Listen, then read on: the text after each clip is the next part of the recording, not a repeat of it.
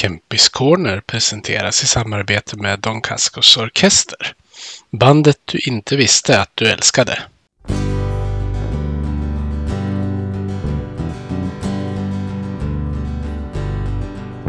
Vi hejar på Modo, röd, vit och grön.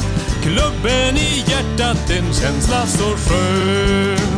Övik, ja, Övik, ja, där trivs vi bäst. Med matcher i lyan, ja, då är det fest. För vi älskar Modo.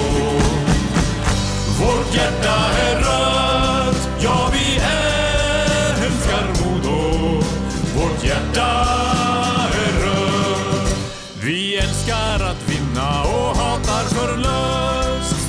Men alltid vi hyllar vårt lag, hjärtats lust.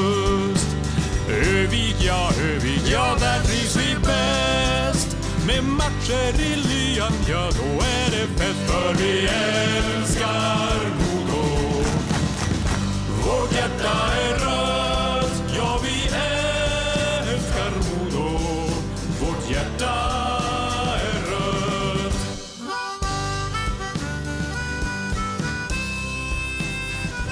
Hej och välkommen ska ni vara till avsnitt 5 av Kempis Corner som har en liten eh, jubileumsstämpel på sig. Och när man tänker på vilka som har funnits i alla tider i Modo så då finns det ju dels eldsjälar och så vidare som har hjälpt till att driva föreningen till där den är. Men genom alla tider har det också funnits supportrar så därför vill jag ha lite supporterstämpel idag.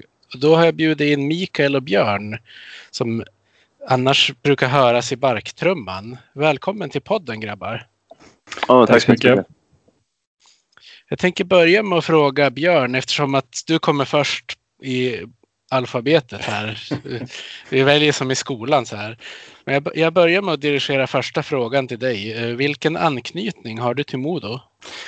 Ja, det är ju, nu pratar jag ganska mycket dalmål här, men, men eh, släkten, farsans sida är ju från Husum och är eh, bruksarbetare på Husumfabriken, tre generationer bakåt. Och det är väl den eh, bakgrunden som gör att jag väljer, eller vad man ska kalla det, att hålla på Modo när vi bor i Falun sen. Lite grann som ett personligt punkuppror eh, mot de lokala måsarna. Men också så, så att man, man får ju liksom en instant personality. Ja, men jag är född i Övik, jag håller på mod och bra, vi kör. Och sen blev det ju bara bättre och bättre från slutet av 80-talet fram till 90-talet. Alltså man kunde ju helt plötsligt börja vara stolt på skolgården. Och Mikael då? Ja, jag har en liten annorlunda, kanske mer traditionell modbakgrund i och med att jag är född och uppvuxen i stan på Varvsberget. Och eh, bodde faktiskt granne med Robert Frestadius som är modolegend mer eller mindre då. Eh, och hade även eh, Expressens utrikeskorrespondent för, för sporten, eh, Gunnar Nordström, som eh, bevakade ja, NHL under 90 och 2000-talet. Han är väl fortfarande aktiv. Han, hans, eh, ja, precis, hans mamma bodde också på gatan bredvid oss. Så att, eh, det hände ju titt som tätt att han kom hem på somrarna med lite NHL-merch och sådär och kastade ut till ungarna på gatan. Så där var man ju, det var ju kört eh, redan från start där kan man säga. Alltså det fanns bara e- ett spår och det var ju hockey. Eh, sen var jag väl inte jätteaktiv själv förutom på, jag spelade vansinnigt många timmar på kvartersrinken där. Eh, men eh, jag tog mig aldrig särskilt långt upp i någon organiserad eh, hockeyförening. Utan eh, det- var lite på kvartersnivå och framförallt så var det ju eh, hockeyintresset som, som supporter som, som växte fram extremt eh, starkt då. Och eh, framförallt för, för Modo i och med att eh, som sagt bodde på Varvsberget och hade ju bara någon kilometer ner till Kempehallen. Eh, så på den vägen är det. Ja. Eh, den andra frågan som jag brukar ställa till alla mina gäster i, i den här podden, den antar jag kan bli lite längre för er än det brukar bli för de som är aktiva i Modo idag. Och det är, vad har ni för minnen av Kempehallen? Du kan ju börja Mikael som var inne på att du inte bodde så långt ifrån. Mm. Nej, men jag, jag och Björn pratade om, om det lite i våran föregående podd. Eh, och det finns ju extremt mycket eh, när man pratar om Kempehallen, alltså Kempis. Eh, och det jag valde att fokusera på då, det, det är väl just själva bara känslan av, av att vara i hallen när det är riktigt mycket folk och det är trångt och det är det här eh, röda mm, innanmätet och det är saftblandarna som sitter i taket tillsammans med de här ja, jag vet inte hur många sittunderlag som sitter uppkastade i taket. Eh, och, och, just bara den, man, man blir liksom nostalgisk bara av att komma ihåg just hur det såg ut och hur det kändes och, och gå där och hur det luktade. Eh, så, så, för mig är det någon slags total känsla av atmosfären i hallen när det var riktigt mycket folk och eh, eh, ja, man fick ju verkligen eh, slå sig fram nästan för att ta sig in på på stora ståplats när det var riktigt knökfullt och, och den stämningen som kunde vara då. Det kunde hagla matchprogram när domaren gjorde ett felbeslut och alltså det var ju helt, helt magiskt eh, i engagemang från eh, så stor del av publiken. Eh, så, så det är väl mitt absolut starkaste minne som, som egentligen inte kanske är så sportsligt relaterat till någon viss match då så utan mer just den här atmosfären i hallen. Det är väl det jag tänker på främst. Ja, vad tänker Björn på när vi pratar om Kempehallen då? Mm, jag, jag, har ju dels ett väldigt tydligt mina första matcher, men det är för att jag får ju tjata mig till... Nej, tjata, jag behöver inte tjata så mycket. Mina föräldrar är emoditer också, men att få se på första matchen uppe i Övik. Det är hösten 89. Färjestad hemma med Håkan Loob, Bengt-Åke, Thomas Rundqvist. Så jag menar, det är både att vi hälsar på släkt och sånt. Sen får jag käka på gamla Mamma Mia, restaurangen som sen brann upp och byggdes upp igen. Eh, det är ju som bilfärden ut i Hörnett. Man vet att man svänger in där på byvägen. Man ser folk som kommer ut på farstun med rödvitt gröna halsdukar. Man känner shit, nu är jag här. Eh, eh, det här har jag sett fram emot. Och just en så pass häftig match. Modo har ju då Ulf Tors och Pirro som nya tränare. Och de har överraskat. Alltså Modo har ju chansen att ta serieledningen. Eh, om de vinner den här matchen. Och det är liksom hela det här klassiska. Då. Det här är ju då Kempehallen innan den blev rödmålad. Så det är ju trä och murrigt och betong som är färgtonerna där inne. Men man har ju fått upp de här saftbrandarna i alla fall redan det skedet och det är, vill jag minnas, entré till eh, Knock on Wood med Amy Stewart. Mikael Hjelm gör mål efter 13 sekunder i min första match som jag ser på Kempehallen hemma mot Färjestad med alla de här storstjärnorna.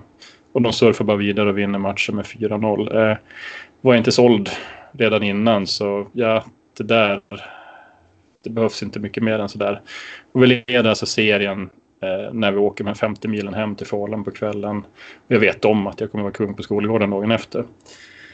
Eh, sen ballar ju den där säsongen tyvärr ur lite grann. Men jag, jag fick ögonblicket i alla fall. Sen flyttade vi ju upp till Övik 92 på sommaren. Så jag är ju som tur så jag får ju hela den här eh, framgången, eh, genombrottet med eh, 73-generationen på plats. Jag menar mina största minnen är ju självklart eh, andra finalmatchen 94 när Peter Forsberg avgör i femte perioden när jag sitter på rakt för blå linjen eh, där han får passningar Lars Jansson.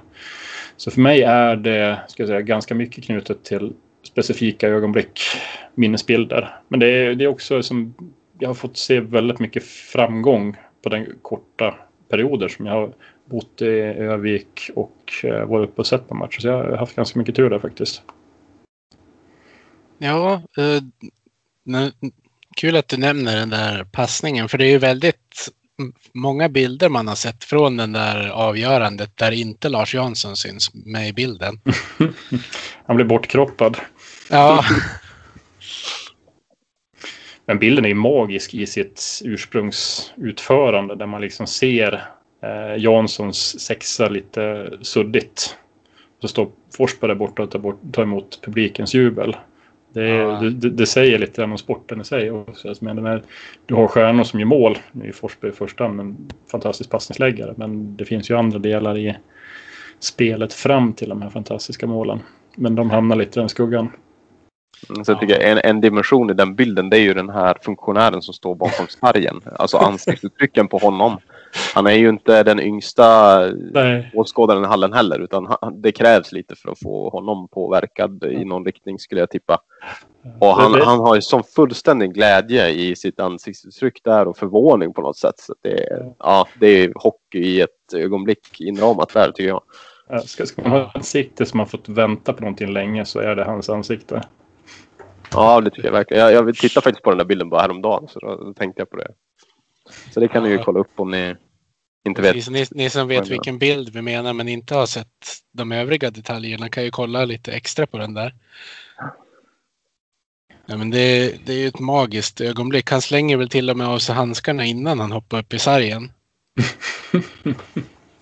Ja, han, han ser ganska eh, trött, eller ja, femte perioden där och totalt eh, uttömd på energi och äntligen är det matchen slut. Och, ja, han symboliserar verkligen det där i sitt uttryck. Tycker jag.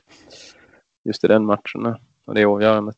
Ja, Det är som Björn säger där, där på 90-talet eh, och de slutspelsserier som var i slu- slutet av 90-talet och början av 00-talet där eh, när man var på plats, de matcherna och det trycket som var då. eh, när man fick eh, stå i kö på om det var Olssons tobakshandel det hette i flera timmar för att i, vänta på öppning för att man skulle kunna få tag i den där biljetten för att få komma in på i hallen för att se slutspelsmatcherna. Det, det var ju så nervös väntan och sen den eh, stämningen som var i de matcherna. När det totalt knökfullt och det gick inte att röra sig någonstans. Och man stod i princip, eh, ja det var ju folk ända ner till plexiglaset verkligen. Mm. Ja, det var en riktigt eh, härlig känsla som inte riktigt går att återskapa idag tycker jag. Utan nu, alltså det går ju ändå att, att det är eh, jättehögt liksom, tryck och sådär. Men det är ju inte, inte helt enkelt att få till den där, eh, om man nu kallar det för campus-känslan. Nej, alltså, sen är det väl lite mer alltså, välordnat i dagsläget också. Jag vet ju att den här andra eh, finalmatchen 94 så kom ju folk som jag kände in på den matchen utan att ha räknats i den officiella publiksiffran på alla andra sätt. Eh, det där händer ju inte i dagsläget med de säkerhetsprotokoll som finns på plats. Och det är väl liksom mer också en, en, en person in i hallen är en intäkt och det missar man inte i dagsläget. Men Det, det fanns ett 94 att ta sig in. ja. På gott och ont. Jag har ju också minnesbilder av hur det såg ut till exempel på, på Lilla stå. Ni sa just det att det stod folk framför Prexi framför Stora stå. Men det finns sekvenser under den här andra finalmatchen. Man ser liksom att det är så mycket folk på Lilla stå att folk står nästan och hänger över räcket. Och då tror ju inte jag att det är 6400 i den hallen vid det tillfället. Att det var över 7000. Nej, det är en, det är en personlig åsikt, men jag har den i alla fall. Ja, Mm. Ja, de mörkade väl lite där i slutet hur mycket de egentligen tog in. Mm. Kan man ju tänka sig. Vad tycker ni är största, största skillnaden på Kempehallen mot eh, Fjällräven Center? Då? Me first, you first. Nej, kör du. Ja, nej, men det är alltså dels är ju Kempehallen någonting som följde naturen. Alltså det är den gropen som fanns där och så byggde man bara tak över. Så den är ju mer... Eh, den, den smälter ju in i omgivningen på ett helt annat sätt. Och den är inte speciellt hög profil utifrån utan det är när du kommer in genom dörren där och ser hallen inifrån som den växer i ditt inre. Fjällräven Center är ju väldigt tydlig visuellt i stan. Det syns i princip varenda gata i stan och den är hög och den är elegant inuti. Så jag menar den visuellt så är den ju mycket mer av en käftsmäll eh, Fjällräven Center. Men jag skulle säga att interiören, stämningen, när den var som bäst i Kempehallen var mer av en käftsmäll. Mm. Nej, men jag kan väl understryka på det. Alltså läget på Fjällräven ligger idag av de bilderna vi såg till exempel från 100-årsfirandet igår. Det finns ju ingen motstycke i Hockeysverige. Alltså där den ligger där precis längst ut på, eh, på hamnen där eh, på Framnäsudden. Mm. Eh, otroligt fint läge ju. Och det är väl eh, det man hör återkommande från spelare och ledare och andra eller besökare från andra lag förutom själva ståplatsläktaren då kanske och dess placering. Men själva hallen i sig är ju otroligt fin och fina träningsfaciliteter och så vidare. Så, ur det perspektivet så finns det väl inte mycket att anmärka på. Eh, men sen tycker jag nu när vi är, bor lite söderut här och när vi hamnade då och ramlade ner i Hockeyallsvenskan så då fick vi möjlighet att, att kuska runt till lite andra spelorter här där vi var vana med och då, och då kom man ju ner ett tack i även eh, hur mycket man bekostar sina arenor. Eh, och tar man då till exempel Tingsryd i, eh, vad heter den nu för tiden ens? Ja, vi säger Dackehallen. Ja, det täcker ja. in det mesta. Nej, men som är då en campis kusin i, i byggnadssätt och så. Eh, det blir ju som att gå tillbaka. Alltså man blir nostalgisk. Det blir som att på något sätt komma in i samma på något sätt, atmosfär som i Kempehallen. Eh, och, och, det har ju helt klart sin charm och vi är väl lite så här förlorade, förlorade romantiska själar och otroligt konservativa när det kommer till vissa saker som vi alltid vill ha likadant i, i vårt hockeysupporterskap, tänker jag. Mm. Uh, och man vill liksom inte riktigt släppa det där med Kempehallen. Alltså det tror jag alltid kommer det vara kvar. Att, att någonstans känner man att ja, men det är där som det riktiga hemmet eh, för, för hockeyn är. Uh, men, så jag tycker det är svårt att jämföra på det sättet. Fjällräven och Kempis. Det är liksom två olika världar på något sätt. Mm. Uh, Ja, du får fylla på där Björn. Jag, jag tänkte just alltså det här med, eh, menar, man kan ju se på de nya hallarna som framtiden, i alla fall var det framtiden 2002 eh, och framåt när de flesta byggdes. Men vad man ser är att många av dem har ju tappat mycket av sina höga publiksiffror som de hade initialt. Så jag menar, vi, SHL-klubbarna blir allt mer beroende av tv-avtal som ska ticka uppåt, men man blir allt mindre beroende av att det faktiskt är folk på plats i hallarna. Eh, så jag menar, A, vi har tappat en hel del romantiska hallar som var till grund för mängder av människors eh, supporterskap som startade med hallarna. B. Grundförutsättningen för varför de här hallarna skulle byggas börjar lite grann urvattnas. Så jag menar sammantaget där så ja, man kan ju låta som en bakåtsträvare när man säger det här men det fanns nog man, man kanske skulle ha tänkt några vändor till kring de här riktigt stora förändringarna som gjordes i hur arenautrymmena ser ut och flytta hallar och sånt där. Nu säger inte jag att det var fel att bygga Swedbank Arena och Fjällräven Center men jag hade velat göra en lite annorlunda inuti i alla fall. Så, så pass långt kan jag sträcka mig. Mm. Mm. Sen alltså när man började bygga de här typen av arenor då kanske, det var väl Kinnarps eh, som var först här i, i Jönköping och Löfbergs lilla arena där i, i Färjestad. Då var väl tänket någonstans att det här kombinera hockeyn med vad man kallar för en evenemangsarena. Det vill säga att man skulle få in andra eh, typer av verksamheter där. Konserter och det skulle vara Melodifestivalen och så vidare som eh, skulle stå för nya intäkter då, som man kanske inte hade kunnat få in i en mer traditionell arena. Alltså man tappar lite själen av själva hockeyhallen på det sättet. Ja. Mm. Jag har en, en följdfråga till dig Björn. Jag vet ju, eller har sett på Twitter att du gillar eh, arenaarkitektur. Jag har sett uh, prata om limträbalkar och allt vad det kan vara. Uh, nu kan han inte sitta still där i stolen kan jag säga. Nej, jag hoppar upp och ner. ja, uh, vilken är favorithallen då, om du måste välja en? Som jag själv har varit i eller eh, du, som du jag kan välja vilja... en, en av varje kan du få välja. Sen hur du motiverar, det kan du ha ett längre svar om du har flera du vill nämna vid namn. Mm. Jag ska vara ärlig från början, alltså jag har inte varit och sett någon NHL-match. Så det, det, kan jag inte jämföra med. Det finns ett antal college-lags arenor i USA som är jätteläckra som jag skulle vilja se på är det Michigan som har något jättefint till exempel. Men jag har sett en KHL-match. Eh, det var Dynamo Moskva som spelade i en eh, hall som har bytt. Nu tror jag det är Spartak Moskva som spelar en eh, fruktansvärd hall. Det var det sämsta av de nya arenorna. Eh, dåliga vinklar på läktarna och sånt här. Så det, nej, moderna ryska arenor är ingenting för mig. Sverige. Ska jag vara romantiken i mig fram så är det Nobelhallen i Karlskoga som är snedstreck var bäst nu. För jag tror faktiskt att de håller på att bygga om det här i pratande stund. I alla fall har jag sett några artiklar om det. Men den är ju avvägd till den lokala hockeykulturen i Karlskoga och du har människor som kommer dit och blir supportrar generation efter generation. Och nu ska man inte sitta och säga här att man hoppas att andra lagen Modo ska gå upp i högsta serien, men jag skulle inte bryta ihop om Karlskoga i alla fall fick en säsong i högsta serien. Det, det kan jag tycka den lokala hockeykulturen är värd.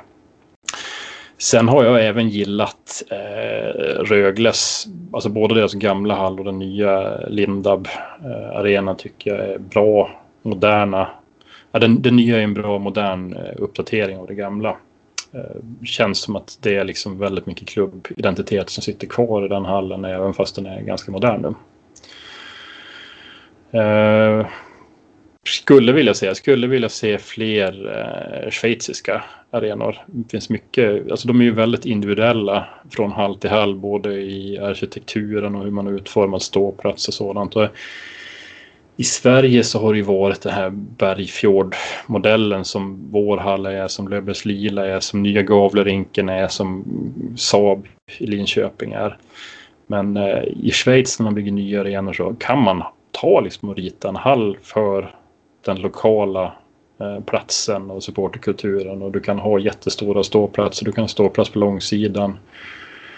Så ska jag liksom sammanfatta mina synpunkter om det här så det har varit väldigt mycket standardlösning 1A för de nya arenor som har byggts i Sverige. Man har liksom inte satt sig ner både med eh, VIP-logegäster och ståplatsfolket och tänkt igenom hur blir den här arenan bäst. Utan vi tar den här lösningen från hyllan som Bergfjord har och så bygger vi den för en kvarts miljard. Ja. Det blir ju... Jag vet inte hur man ska uttrycka det på ett ett eh, tillräckligt... Ja, vad var ordet jag sökte nu?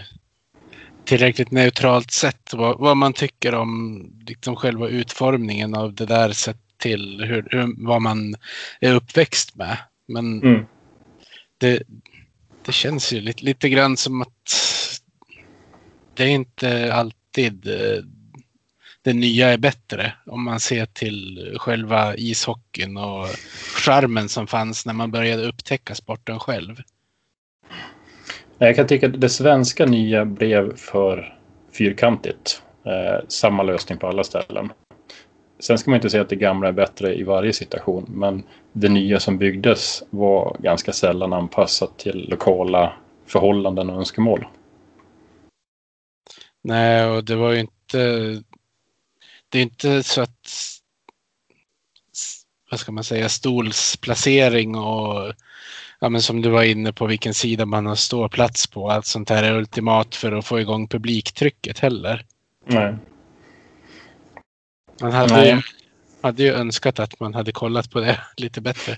Mm. Nej, men ska man ta våran hall så är det ju väldigt enkelt med liksom ismaskins eh, gången. Varför ska den vara mitt på stora ståplats? Eh, är det resultatet av ett aktivt beslut? Det kan ju mycket väl vara byggnadstekniskt att du måste ha pelare på ett visst ställe.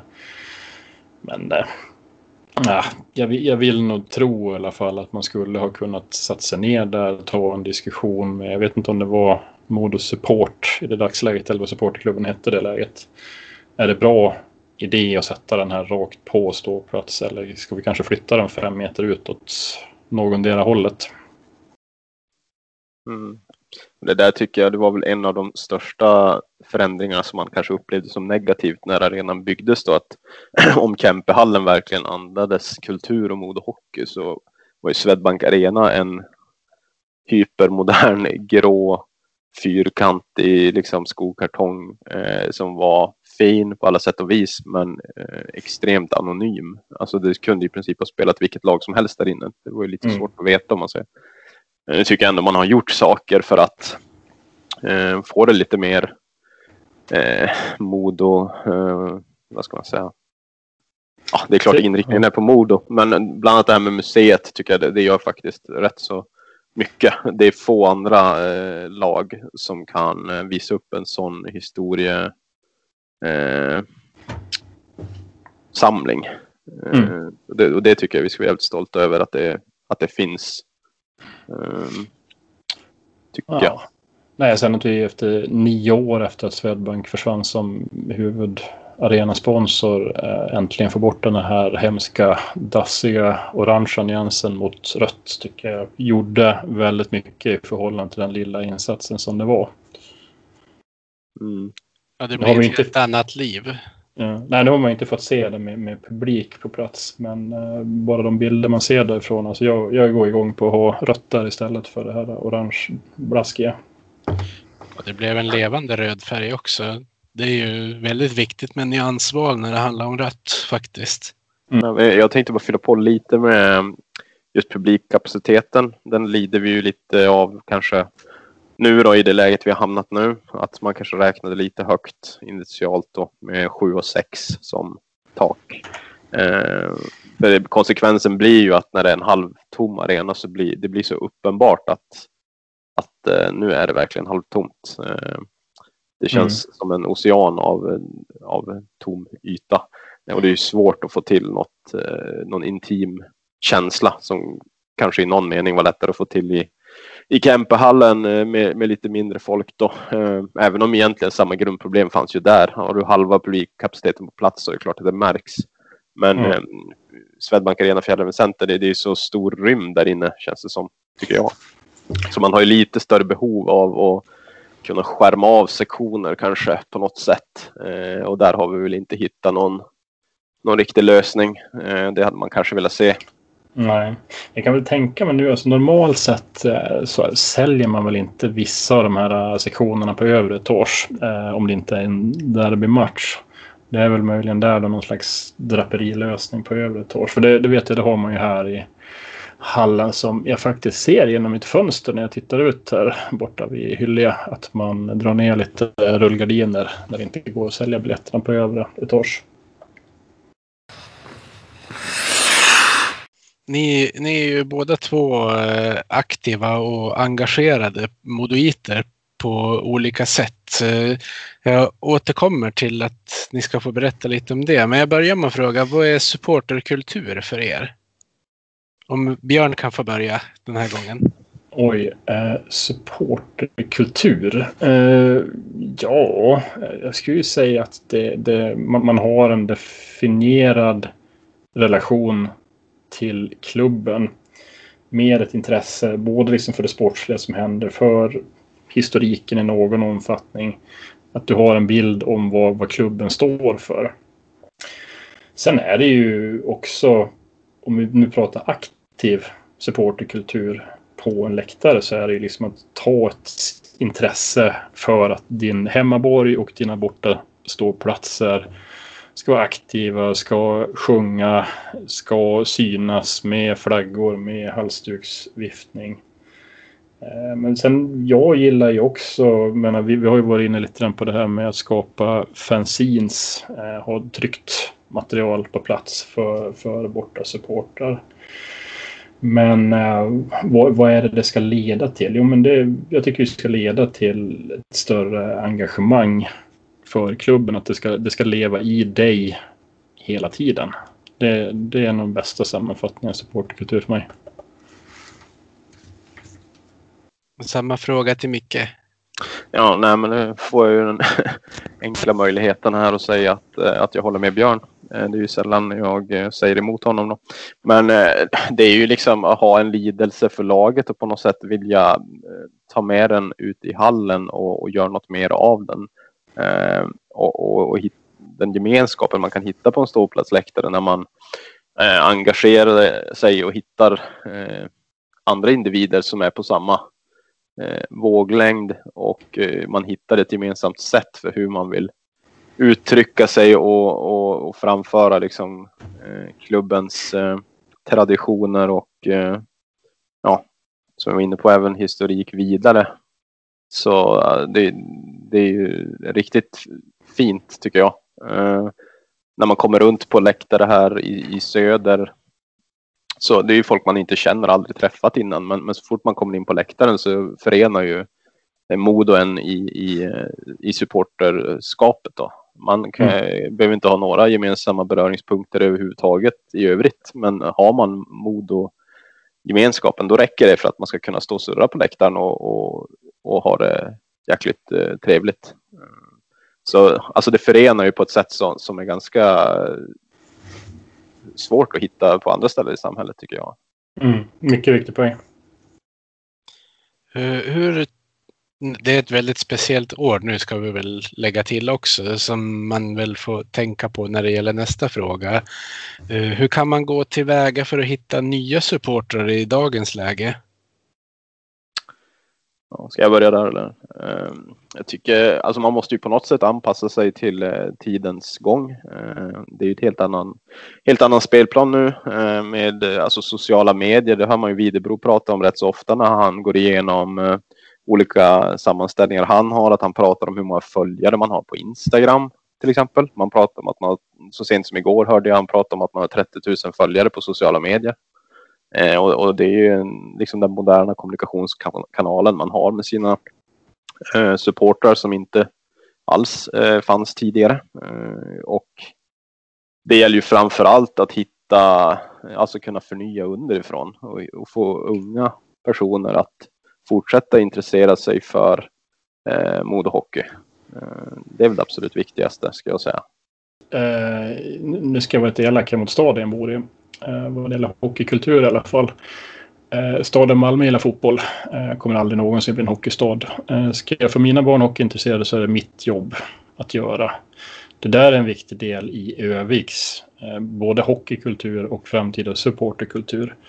Övik har jättemycket rinkar. Eh, alla känner någon som spelar hockey eller har ett grovt supporterintresse förmodligen närheten till Modo kommer alltid vara mycket större än vad närheten till Malmö Redhawks är i Malmö. Modo har ett jätteförsprång där. Eh, och jag tror ju liksom att omfamnar man den här mer aktiva supporterkulturen vi vet, ja, det händer ju liksom felsteg ibland. Det kanske blir grova ord på läktaren ibland och sånt också. Men jag menar, det är ju ofta unga människor här. Jag menar, jag vet inte om jag själv hade blivit inspelad eh, i en offentlig miljö när jag var 18-19 år gammal om jag alltid hade sagt rätt saker. Men jag menar, jag har ju sett bilder från igår nu från underårsfirandet med den här pyroshowen på kajen med barn som älskar det. Eh, nu är jag ingen förespråkare av pyro inomhus, men eh, den, den aktiva, sjungande, eh, färggranna supporterkulturen tror jag är något som lockar barn. Det kan jag vara väldigt tydlig med. Ja, det håller jag med om. Det var, det var ju otroliga bilder man fick se från eh, tagen från långt håll också som, som alla detaljer dök upp på. Mm. Eh, och nu ska jag vara lite i den här eh, väldigt opolitiskt korrekt. Jag såg min första match i Leksand 1987 på min åttaårsdag. Eh, Leksand-Modo.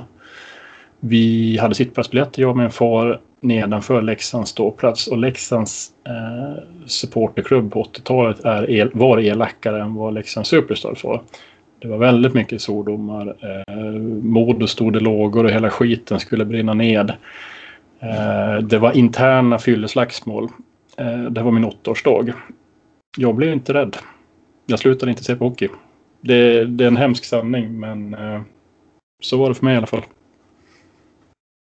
Jag blev ännu mer intresserad, om man ska vara lite krass. Ja. Mm, ja, det är en... Eh, vad ska man säga? Eh, aktuell, eller ständigt aktuell diskussion. Eh, det här. Vad som, vart, vart gränsen går i det offentliga rummet i en, en hockeyhall och vart vi är på väg eller inte. Mm. Och det, det satt ju en personlig relation till Leksand för mig som började långt innan 2016 kan jag säga. Ja, det kan jag tänka mig.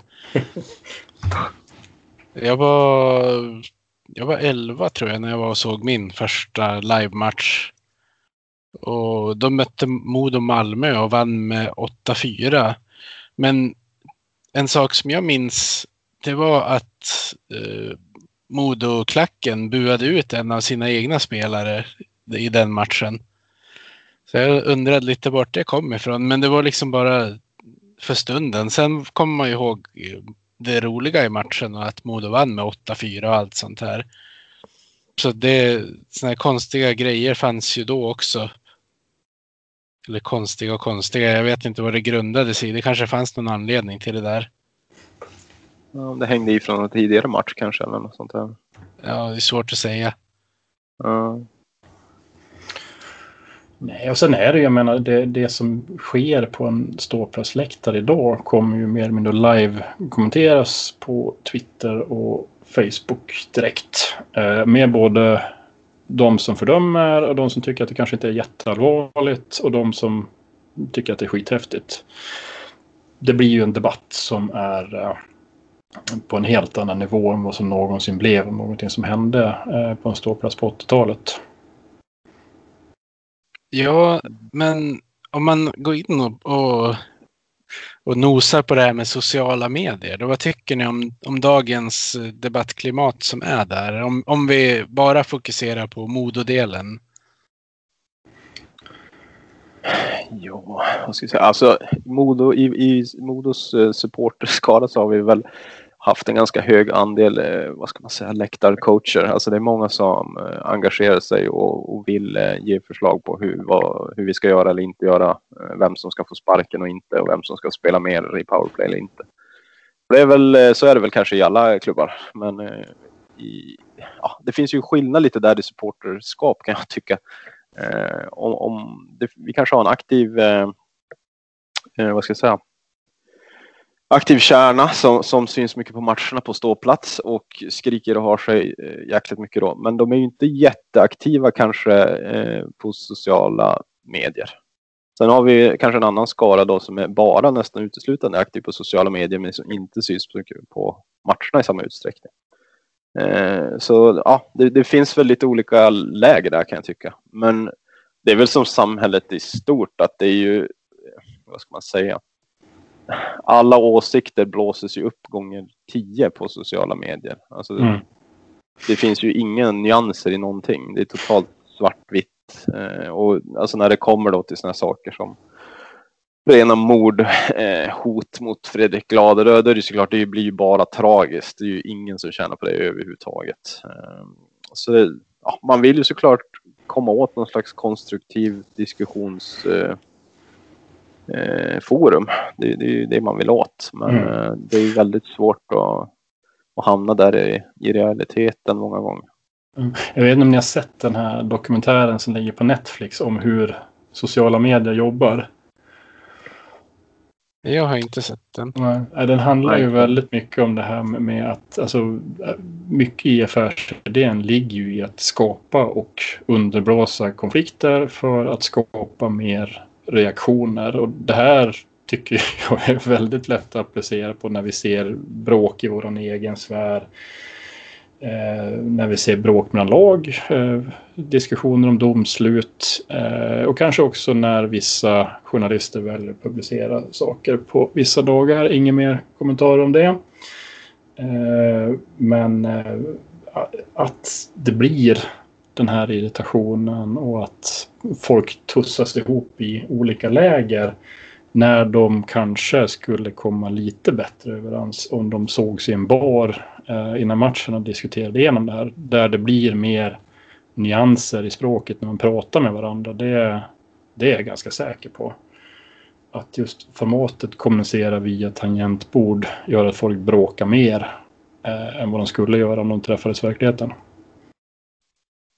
Ja, det mm. finns väl en anledning till att termen tangentbordsfäktare föddes en gång i tiden.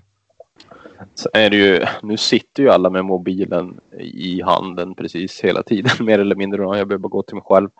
Eh, så man har ju alltid tillgänglighet till att skriva i affekt också. Eh, jag menar, mm. om du är skitsur efter en förlust i Kempehallen, ja, så ska, då, då går du ju hem och är förbannad. Liksom. Men sen kanske du har skakat av det där när du kommer hem och kommer på lite bättre tankar innan du ja, jag, jag, vet inte vad motsvarigheten skulle vara för 15 år sedan. Du ringde ju inte upp hundra andra random Modo-supportrar och sa vad du tyckte till dem i telefonen. Liksom. Utan det, det, blir klart, det blir ju annorlunda. Eh, det blir det ju. Och det är ju som jag sa innan, det är ju samhället i stort på något sätt. Alltså, det är ingenting som är unikt för, för hockeyn, men det kommer ju alltid vara mycket känslor inblandade inblandade och folk som är besvikna och folk som tycker att det är fel och, och folk som är glada. Och, så det, det, blir ju åt alla håll över hela paletten. Så är det ju. Ehm, men ja, det, det, jag tycker ju som Modo agerar i det, jag tyckte de är jätteduktiga på att använda det som kommunikationskanal på, på ett bra sätt, både eh, Instagram och Twitter. Så ur det perspektivet tror jag vi ändå är eh, bra framme vad det gäller att, att ta till sig av de här nya, eller nu är de väl inte nya längre, nu är de snart traditionella, men att använda de kanalerna på ett vettigt sätt och, och liksom följa med tidens gång här. Eh, mm. Och utvecklas. Liksom. Nej, tänker man då på den här siffran som Widerbro gärna refererar till med, med 30 000 följare på sociala medier. Ja, om vi då tar lite statistik här, 30 000 människor i samhället, vad hittar vi då för enstaka eh, individer i ett sådant urval? Du kommer att hitta människor som kanske är beredda att stå och vråla ett mordhot på en läktare tyvärr Eh, så tror jag nog också att det kommer att finnas någon som är beredd att skriva ett mordhot i textform där till, till Fredrik Låder. Dock är det ett brott eh, som ska lagföras. Alltså, det är ju, men det, det, är ju liksom en nivå som Modo som klubb inte kan stå för och personen som gör det här nu, ja den personen kommer nog att råka problem i andra situationer i samhället också. Tyvärr är det nog så. Ja visst. Ja, jag, måste brodera lite till. Alltså, det är ju ingenting som är modeunikt heller. Utan mm. Jag bor ju i Jönköping nu och det går ju inte jättebra för HV, gör det inte. Och jag tittar lite grann på vad, vad det är för reaktioner på deras eh, olika HV-konton där och det är ju inte snälla saker som skrivs. Alltså. Och det, det, är ju, det ger ju precis ingenting. Eh, de här eh, extrema känslouttrycken utan det, det är bara tragiskt att, se vad vissa skriver, så är det ju. Eh, och alltså som, som Björn säger så tror jag att det är väldigt få av de där sakerna som skulle komma fram om man stod öga mot öga eller eh, mot om du stod i entréhallen nere på Husqvarna och pratade med klubbdirektören. Att det skulle komma fram på det sättet. Så det, det är ett extremt hårt klimat och framförallt för ja, yngre då, hur, hur man ska hantera det här. Eh, mm. Och vad man, vad man tvingas läsa om, om kanske sig själv och, och, vad man själv skriver om andra utan att veta exakt vad det är. Exakt hur, hur hårt det kan upplevas och så. Så det, för unga skulle jag säga att då är det ju kanske som värst då. Mm. Även om inte det, nu är inte det här något hockeyrelaterat utan det är mer som jag sagt tidigare samhället i stort. Liksom. Ja, vi är nog inte riktigt där evolutionärt som människor att uh, hantera det fullt ut i alla lägen. Det är lite en för fullt verktyg ibland. Det är väl smärtsamt uppenbart skulle jag säga. Jo, men det, det märker man ju. Sen som ni säger, det är ju så lätt att bara plocka upp telefonen och skriva någonting där man är för stunden. Jag vet ju inte vil, alltså exakt vilken sorts människor det är som lyssnar på den här podden, men alla är ju inte uppväxt på det sättet tänker vi som pratar nu har ju, hade ju inte, det fanns ju inte ens internet på det sättet när vi var yngre. Nej, text-tv. ja. nu, nu känner jag, nu kommer jag på en bra till aspekt som är värd att ta upp då kanske. Eh, för oss som bor här eh, i Jönköping och Malmö och eh, på något sätt vill eh, ja, försöka verka för att sammanföra modoiter att i större utsträckning, ska man säga, våga åka på bortamatch eh, utan att känna sig ensamma, om man säger. För det har vi märkt när vi försöker att ragga upp lite folk till diverse bortamatcher vi försöker åka på då, att det finns ju någon slags tröskel mm. Eh, för folk att, eh, eller modesporter då specifikt, att ta sig till bortamatcher om man är ensam. Alltså du kanske har någon då som bor i Växjö till exempel och har inte varit på en match på länge. Bara, men varför inte det då? Nej, men jag vill inte åka själv. Och då är ju sociala medier ett otroligt eh, effektivt och kraftfullt eh, verktyg för att vi kan ju nätverka på ett helt annat sätt här nere än vad man annars eh, hade kunnat. Man hade mm. inte vetat att, att den andra personen existerade egentligen då. Mm. Så det, det utnyttjar vi ju jättemycket skulle jag säga och försöker uppmuntra till samåkning och försöker komma i kontakt med folk från andra städer och som ligger nära den ja, borta matchen vi, som är aktuell för det tillfället. Och sådär. Vad, vad, säger du där Björn? Nej, och här tror jag ju absolut att det finns möjligheter. Nu ska jag inte säga att jag vet vilken teknisk plattform man ska använda, men att någon form av plattform för bortaresor. Eller ja, vet inte vad jag ska kalla det i våra fall. För mig är ju den närmaste matchen i nuläget Kristianstad. Men ur ett ögonblicksperspektiv så är det ju definitivt en bortaresa. Eh, men att man på något sätt jobbar mer med liksom info om möjligheter att ta sig till match, någon slags forum eh, där man synkar ihop samåkning. Jag skulle ju gärna uppgradera min Skoda Superb kombi till att hyra en minibuss eh, om du pratar lite längre resor. Dra ihop kanske en 7-8 pers eh, om man bara hittar dem. Eh, där tror jag liksom att de här tekniska hjälpmedlen kan göra eh, vårt support på bortaplan i södra Sverige ännu starkare. Men det är, jag tycker det är bra. Det är som det är nu, men det kan bli bättre. Vi hade ett case i fjol. Eh, det var lite roligt. Då var det ju, om vi, jag minns det vart vi var, om vi var i Västervik kanske. Uh, och då, då var det ju två motorsporter på Öland som inte visste om att den andra fanns i princip. Nu är ju Öland inte jätte, jättelitet men det, var, det, det vart ändå lite komiskt tyckte ja. vi. när bägge de två dök upp på samma match och så visade det sig att de liksom hade åkt från, ja, i alla fall nästan samma ställe om man säger utan att veta att den andra fanns. Mm. Men här, här ska man ge cred till en man som hette Christer Avlund som startade The Red Syd eh, i mitten på 90-talet. Han var ju också väldigt tidigt ute med att använda sig av internet, eh, e-mail-listor och sånt här. Jag menar det är först där vi verkligen får en närvaro eh, på matcher söder om Gävle i Sverige. Christer, riktig pionjär, han, måste nämnas i det här sammanhanget. Och det, det ska jag säga, det, där, där förändras det ju. Med de matcherna jag såg i Leksand slut på 80-talet sitter jag och farsan där och så hör man en människa på andra sidan rinken som vrålar och lever om och håller på mod. Och, och man märker att folk runt omkring på läktaren.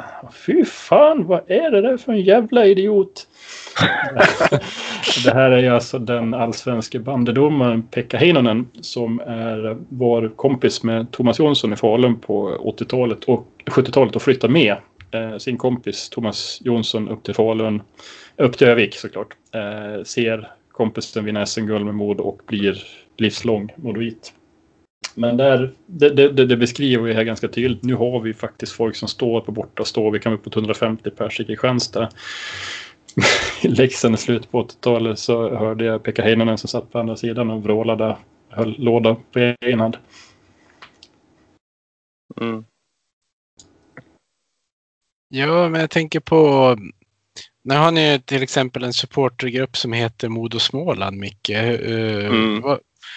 Det har ju nu när ni inte kan åka på matcher på samma sätt. Eller först kan du berätta om hur, hur ni grundade den och sen kan du väl berätta vad ni gör idag nu när det har varit ja, men, omöjligt mer eller mindre att åka på matcher under säsongen. Mm. Nej, men för det första så anser vi ju att vår absoluta inriktning är ju att det ska vara fokuserat på supporterskapet här i, i Småland och framförallt eftersom det inte har varit några matcher nu och det är där vi vill egentligen rikta vår energi för att just åka på matcherna. Då har ju våran, ja, om man ska kalla det verksamhet, legat på sparlåga. Eh, så vi gör ju i princip väldigt lite som rör just ja, Modo Småland då, som vårt projekt eller vad man ska kalla det eh, har, har som namn.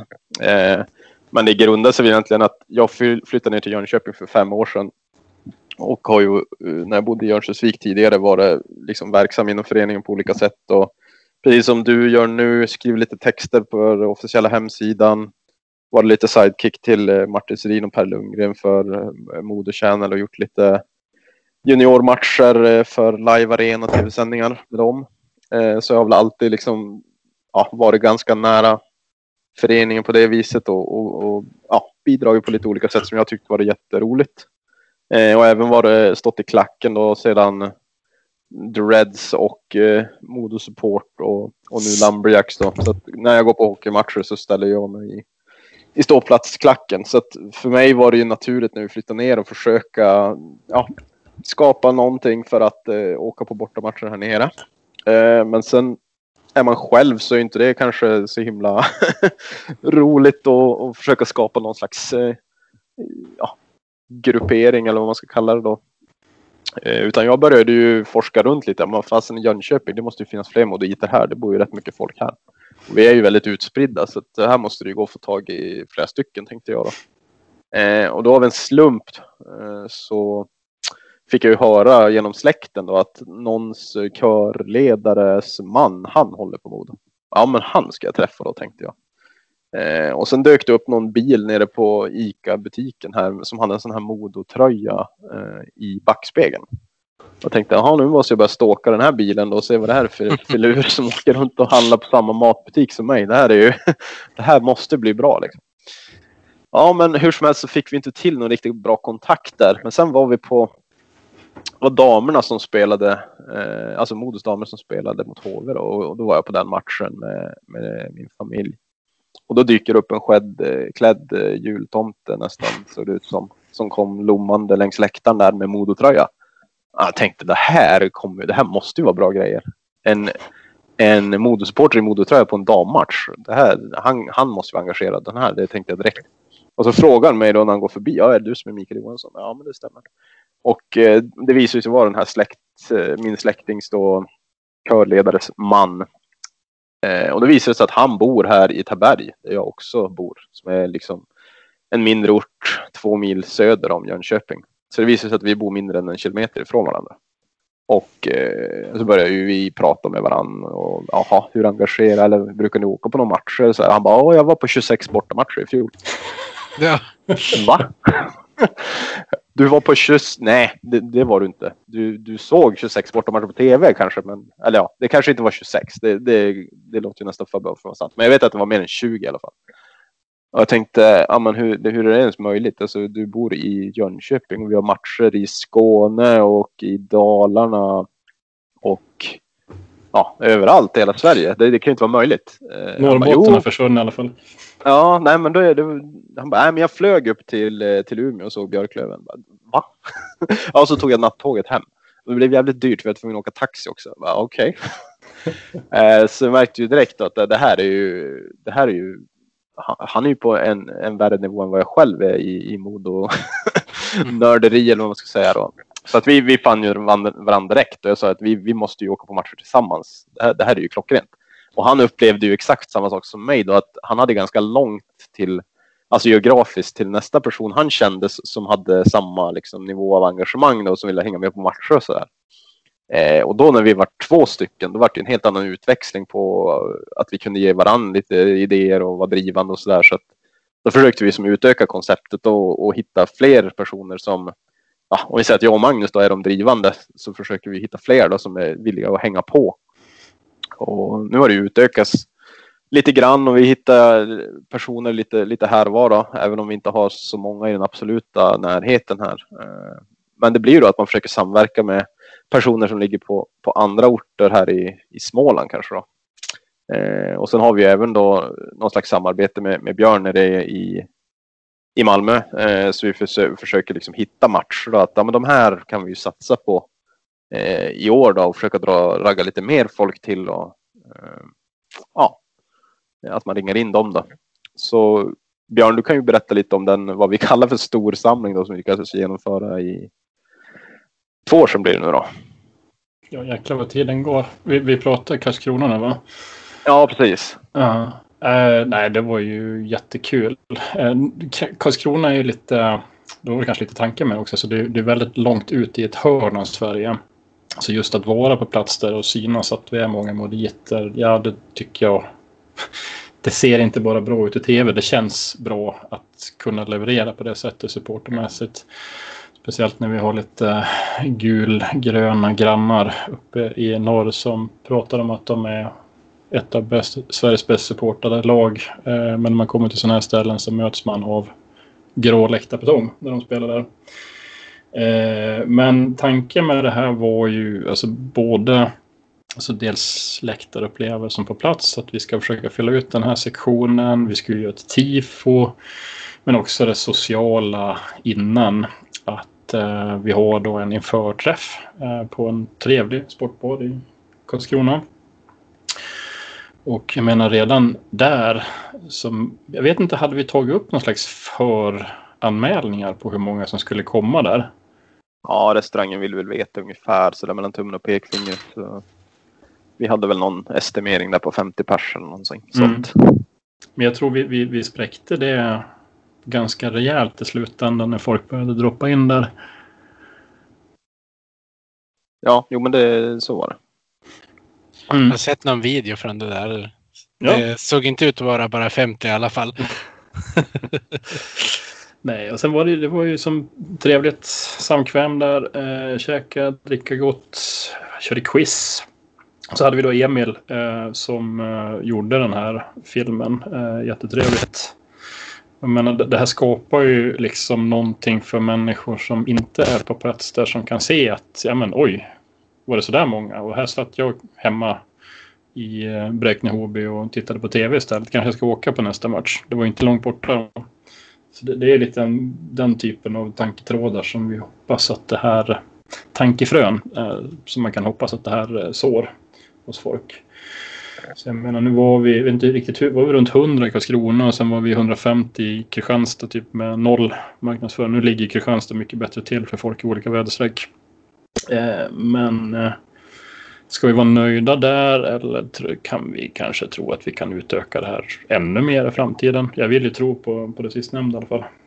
Ja, för det, för det, eller vi kanske ska nämna att vi ska ju inte påföra oss själva någon direkt cred för hur många vi Nej, var nej. i Kristianstad och sådär, eller i Karlskrona heller. Men det som var jättekul var ju att arrangera den här förträffen på puben och den tog ju vi initiativ till att faktiskt få till då och, och sa till folk att ja, men samlas här liksom. Det här kör vi Mm. innan.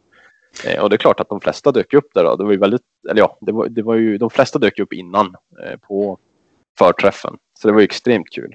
Mm. Eh, Sen tror jag på här enkla grejer som att det, det ska ligga ute i sociala medier i alla fall två veckor innan en modematch i södra Sverige. Var ligger hallen? Vad kostar biljetten? Eh, den typen av, och gärna en länk direkt till klubbens webbshop där borta står sektionen ska ligga ute och sälja biljetter. Jag menar, tar man bort de här svårigheterna så då sänker du tröskeln för folk att ta sig dit. Är det svårt att hitta hur och på vilka villkor man köper biljett. Eh, tider och sånt här. Då måste folk göra ett jobb. Eh, tyvärr, jag tror det där måste vi jobba lite grann för att hjälpa till. Vi som eh, vill att det ska bli mer folk på plats. mm, så är det absolut. Det, det, det, det krävs lite, alltså folk, folk, jag ska inte säga att folk är bekväma, men serverar man sådana här enkla saker, men det tar inte lång tid att skriva sånt här meddelande i sociala medier posta det. Jag tror alltså det blir tiotals personer till om man gör det. Och vi fick ju extremt bra feedback på själva eh, arrangemanget och matchen. Alltså alla var ju supernöjda och tyckte det var skitkul. Mm. Och det var ju lite det här vi var inne på tidigare här i, på någon fråga angående vad supporterskap är och supporterkultur. Och alltså de flesta av de här som dök upp har vi aldrig träffat innan. Nix. Men sen tog det ungefär en halvtimme så var ju alla på, då kände ju alla varann i, i någon mening och sen växte ju det där. Bara, bara under en kväll så var man ju tjenis med flera stycken som man Mm. förmodligen kommer träffa på eh, på någon läktare här framöver när, när det Mm. här eh, pandemiandet är över. Ja, så får vi väl hoppas att folk la till varandra i någon omfattning på sociala medier så att de börjar hetsa varandra och åka på ännu fler matcher sen. Mm. Och det är ju också ett av målen. Det är väl eh, som du sa Björn, att synas på matcherna. Alltså visuellt. Det, det är ju inte jättelätt att komma igenom rutan med en röststark bortaklack. Det krävs ju ett antal människor för att få till det. Eh, Men visuellt så är det ganska lätt och med små medel i alla fall eh, visa att man är på plats. Mm. Eh, och liksom visa flaggan och säga att ja, men vi är faktiskt, det, kom hit och var med oss nästa match. Liksom. Det, det är Mm. väl det vi vill få till. Så att just den här tröskeln som säkert eh, finns i många fall blir låg och man känner sig välkommen in. Eh, för att här finns det fler modoiter, jag behöver inte stå själv. Mm. Nej, det där är väl kanske också någonting man skulle vilja bli lite bättre på sikt. Alltså just det, det, röstmässiga, att det ska höras mer. Där har vi ju lite grann eh, problemet liksom att, att folk som kanske inte har varit på så jättemånga matcher, kanske inte alls har varit i Övik, kan ju inte våra ramsor. Jag menar, vi har väl också många nya ramsor som är bra eh, de senaste åren. Där, där är det en liten learning curve innan man känner sig bekant med dem och kanske framförallt innan man vågar stå och sjunga rakt ut på en läktare. Jag tycker ändå, jag menar speciellt när, när Modo spelar bra en match och målen ramlar in så är det ju lätt att få folk att hänga med efter en, två perioder i alla fall. Så det, men vi ska ju kanske inte recensera oss själva vad det gäller ljudnivå. Det får väl folk som tittar på. Nej, men jag tänker att en rolig aspekt som jag har tänkt på gällande just det där. Det är ju när man bor i Övik och kanske har då, eller kanske, man, man har 26 hemmamatcher. Eh, då blir det ju, vad blir det, två i veckan? Ja, en i veckan kanske.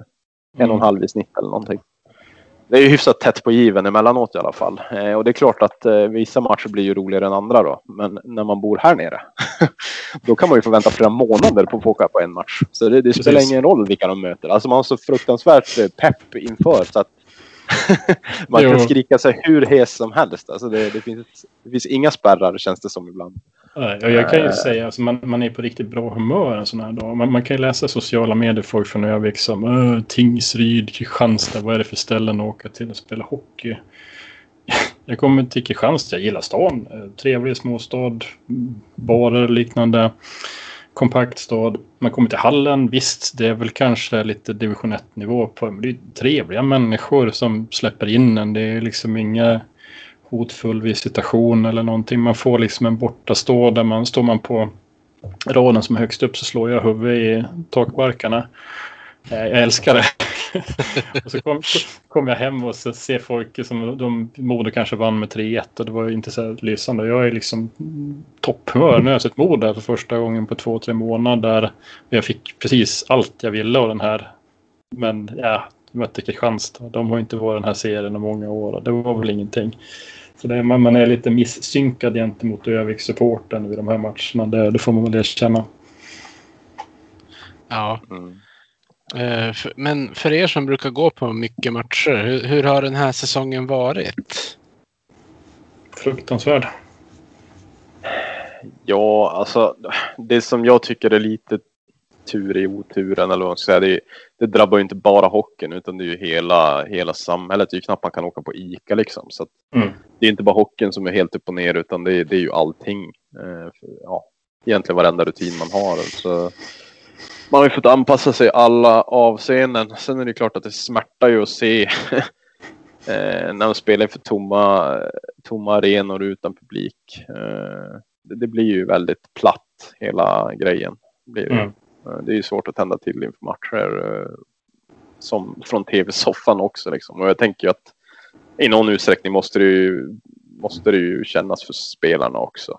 Eh, det måste ju bli några nivåer tråkigare att spela. Mm. Jag vet, vi var ju inne på det här i någon podd vi gjorde för ett tag sedan, men vi har ju sett hockey på lägre nivå. Där det inte alls är de här publiksiffrorna eller häftig stämning i hallarna.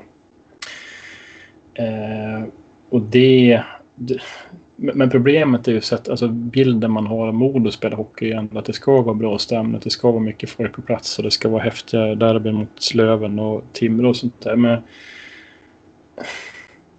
det är inte riktigt samma grej. Jag kan älska ishockeysporten. Så jag kan sitta och se på en NHL-match och uppskatta det sportsliga. Men jag kan inte riktigt relatera till det känslomässigt. Personligen har jag aldrig fallit för ett NHL-lag fullt ut. Men jag kan titta på en Stanley Cup-match och uppskatta hockeyn som spelas där.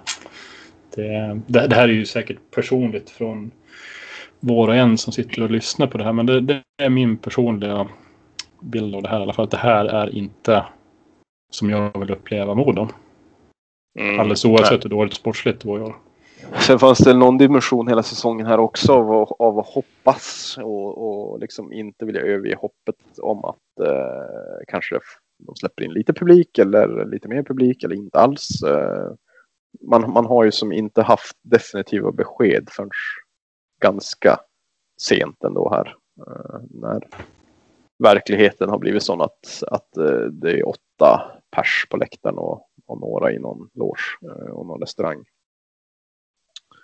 Eh, så ja, det är väl som alla i övrigt. Man, man hoppas att det här ska få ett tidigare slut än vad det har fått. Och det är klart det är frustrerande, men ja, samtidigt när det har drabbat så många andra samhällsfunktioner i övrigt så är hockeyn mm. en ganska liten sak i jämförelse med mycket annat. Så att, ja, det, det går väl inte att vara fullständigt nedslagen över det, eh, även om det är jävligt tråkigt. Men...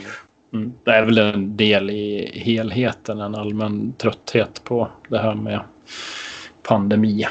Eh, men det är ju, vi, vi var inne lite på det också, just det här med att eh, när Alfredshem grundas 1921 så har man ju precis kommit ut ur spanska sjukan och dessförinnan första världskriget som hade lite jävligare än oss. Eh, vad händer när det här väl släpper? Kan det inte vara så att det blir ett väldigt positivt årtionde där folk försöker att ta tillvara på alla de möjligheter som vi inte har haft under de här åren. Man får i alla fall hoppas det. Ja, man kan ju hoppas att det blir en slags blessing in disguise där att ja, men fan, det kanske inte är. Det kanske ska gå ut på matcherna på arenan istället. Nu när det när jag faktiskt har märkt att det, det har jag inte kunnat göra nu på ett år. Att det finns ett uppdämt behov och att man saknar det så pass mycket att man väljer hellre att åka till hallen än att sitta hemma i soffan och titta. Mm. Prata med andra människor. Det, hoppas att folk ser fram emot det.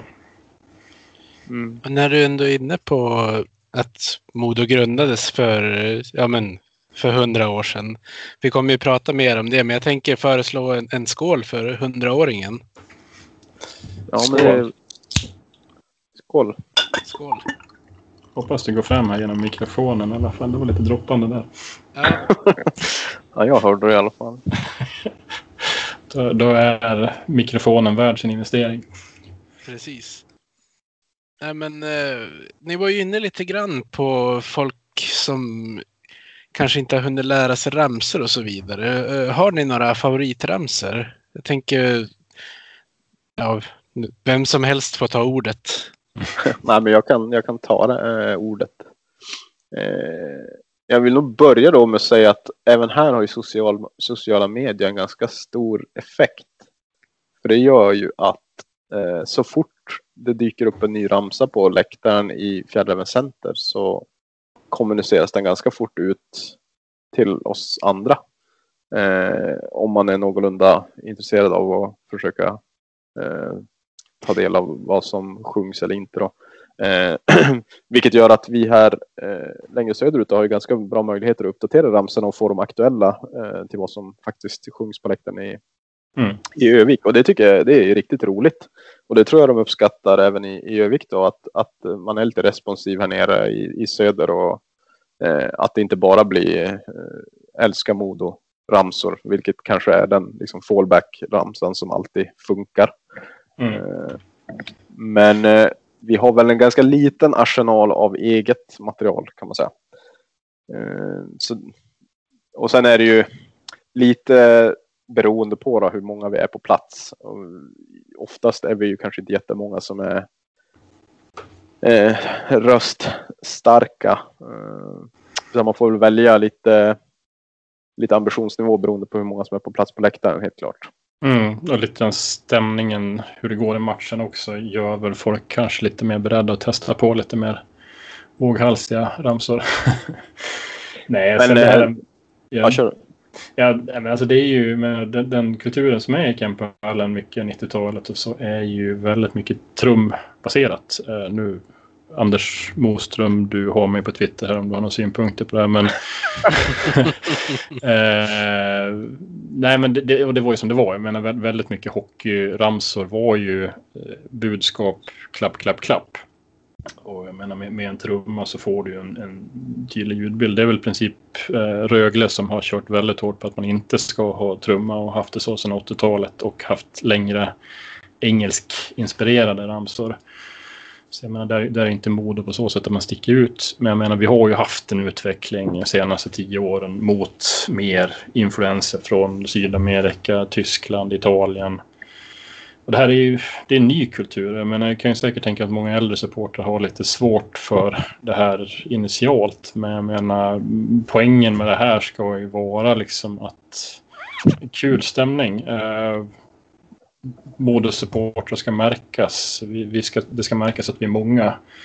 Eh, det, det, handlar ju liksom om att sprida en bild av klubben. Eh, och ska jag säga en personlig favorit så är det den här eh, som liten min farsa tog med mig. Den, den, finns ju i många varianter i andra klubbar också. Det där grundbudskapet att ett supporterbudskap, äh, supporterskap går i arv. Eh, och den är ju väldigt trevligt att den har slagit igenom hos oss också. Mm, och jag vet på den här Karlskrona-träffen vi hade. då på förträffen där så försökte vi köra igenom lite ramsmaterial. Som vi också har. Eh, ja, vi skriver ju ut ramsor då i vårt sånt här fanzine. Om vi ska sätta den etiketten på det. Så det, det, vi försöker ju att göra, ja återigen tröskeln så låg som möjligt för att ta del av, av eh, ja, bland annat ramsor då till exempel. För, för att få fler att vilja ta steget in i den gemenskapen också. Eh, och eh, på Karlskrona-matchen där, då körde vi ju bland annat den här vackra Alfredshem ramsan Mm. som var ny för säkert de flesta där då. Så det är klart att det, det tar lite tid att, att sätta en sån, men eh, jag tycker det, det är bra att vi försöker att pröva lite nytt också och inte bara gammalt. Ja. Eh, Nej, och vad, vad ligger den där tröskeln någonstans på en eh, bortaläktare? Säg att vi är 70-80 pers där. Om det är två, tre som försöker köra den själv, då kommer den nog ebba ut ganska snabbt. Men har du en kärna där 10-15 kan ramsan och är beredd att sjunga den, ja, men då börjar det bli ett grupptryck. Så då kanske det helt plötsligt är 30-40 som står och sjunger och då hörs det ju ut på plan. Eh, så det, jag, jag, tyck, jag tror nog det handlar lite om att fortsätta försöka och sprida kunskapen om ramsorna innan man kommer till matchen och sådana saker. Det tror jag nog vi har fler som är beredda att köra när det väl är dags. Mm, och sen är det ju någon slags avvägning också. Hur länge man kör respektive ramsa och hur ofta. Mm. Eh, alltså det får man ju bedöma lite på de som står där på läktaren. Då verkar de inte vara allt för sugna på att sjunga så kanske man ska försöka få ner antalet ramsor på en period. Men att för, försöka få punktinsatserna att bli så bra som möjligt i alla fall. Mm. Så det, man får ju jobba lite med vad som står till bud så att säga. Men jag tycker det är, ja, tycker det är svagt uppåtgående trenden då, tycker jag. Mm. Nej, och sen är det ju, menar, vi, vi ska ju vara lite stolta ändå. Jag menar, tittar man på allsvenska matcher där vi själva inte spelar, där vi har ett lag som kommer 70-80 mil ifrån orten det spelas på. Hur ofta är en bortaklack på plats? Mm. Nej, men så är det absolut. Det, jag, jag tycker vi, vi, ska, vi ska ju dels vara stolta för vad vi har, men jag tror vi kan bli ännu bättre. Mm. Och sen, alltså på en, på en hemma läktarsektion så kanske man har en naturlig klackledare då. Eh, men på en bortaläktare så är det väl lite mer löst definierat vem som eh, förväntas ta initiativ till olika ramsor eller inte. Mm. Eh, så det finns ju en aspekt i det också att, att kanske någon måste leda vägen lite grann för att få andra att, att haka på. Mm. Lite så. Nej, har vi Ultras minibussen på plats från Övik så har vi ju väldigt bekvämt och behöver ju inte ens ta den funderingen. Men, men är vi själva, ja men då är det ju liksom att man eh, spiknykter en onsdag kväll får ställa sig i Tingsryd och vråla rakt upp på en läktare. Det är tur att man inte känner någon på orten i alla fall så skammen finns inte i kroppen. Nej, nej men det är ju Med tanke på, så fort som möjligt. Tänker med tanke på din storlek Björn så är det väl ingen som vågar säga emot om du tar initiativet heller. Nej, jag, jag tänker att jag är så jättesnäll pojke men jag kanske har lite visuellt eh, in, intimidating eh, framtoning. Eh, Du, ni pratade ju om det här fanzinet. Kan ni inte gå in lite mer på, på vad, vad som finns i det? Ja, nu har jag inte något eh, dagsfärskt ex eh, framme här. Men det heter ju i alla fall Bra dagar då och inspirerat efter en Totta Näslund-låt är det väl Björn? Va? Yes. Eh, Det handlar lite grann om att man har varit utsatt för mycket eh, skräp i livet men man har hoppet kvar och det är ju ganska så relaterbart till den här klubben. Ja, det får man väl säga. Eh, och som Björn var inne på innan där så eh, handlar det mycket om det här att få ner den där eh, tröskeln för att få fler att vilja komma ut och gå på matcherna. Så det vi har med i fans, fanzinet då, eller eh, ja, det här häftet då, är ju bland annat arenainformation, hur man hittar till arenorna, vilka kommunikationsmedel som finns eh, och eh, länkar till respektive lags eh, eh eh, biljettfunktion helt enkelt. Ja. Eh, och sen har vi lite mm, krönika liknande texter då. Eh, och lite sammanfattningar av vad vi har gjort tidigare under säsongen och, och försöker få med lite bilder från läktaren. Eh, där vi är eh, eh, framhävs visuellt fördelaktigt kan man säga då. alltså vi, vi- vi vill ju visa att vi är på fler ställen än på den orten den matchen som pågår just då är. Vi vill visa att ja, men det går faktiskt att åka på fler matcher än, än, än, äh, än den här som är nu Vita Hästen i Norrköping. Äh, det finns fler eh, som är inom någon slags form av räckhåll, även om det kanske handlar om ett par timmar bort. Så det, det är ju utmanande, mm. helt klart. Sen har vi ju som sagt också ramsorna eh, som vi försöker hjälpa till med och, och få, få, få, till texterna för. Då. Så det är mm. lite lättare. Har jag missat mm. något? Nej, det kan ju vara lite tramsgrejer också som bästa ölen från respektive allsvensk ort. Jag tror att Tingsryd fick med sin lättöl från Konsum va? Ja, just det. Ja, ja det. Mm. nej, men eh, vi, vi, det är ju lätt hänt att man fastnar i det här snacket om grupperingar. Men en, en kan ju liksom vara det här med, med ultras, alltså man åker på varje match eh, och är aktiv i supporterkulturen kontra julgranen som står i full supportermundering eh, och kanske inte riktigt känner sig helt sammankopplad med ultraskulturen. Men skulle jag vilja flytta eh, julgranen eller vad man ska säga, the common man-supporten lite närmare ultrasupporten så är det väl det här att när spelprogrammet kommer i, vad är det det kommer, det april-maj? Ja, jag kollar faktiskt. I fjol kom det i slutet av april så jag mm. sitter på nålar här.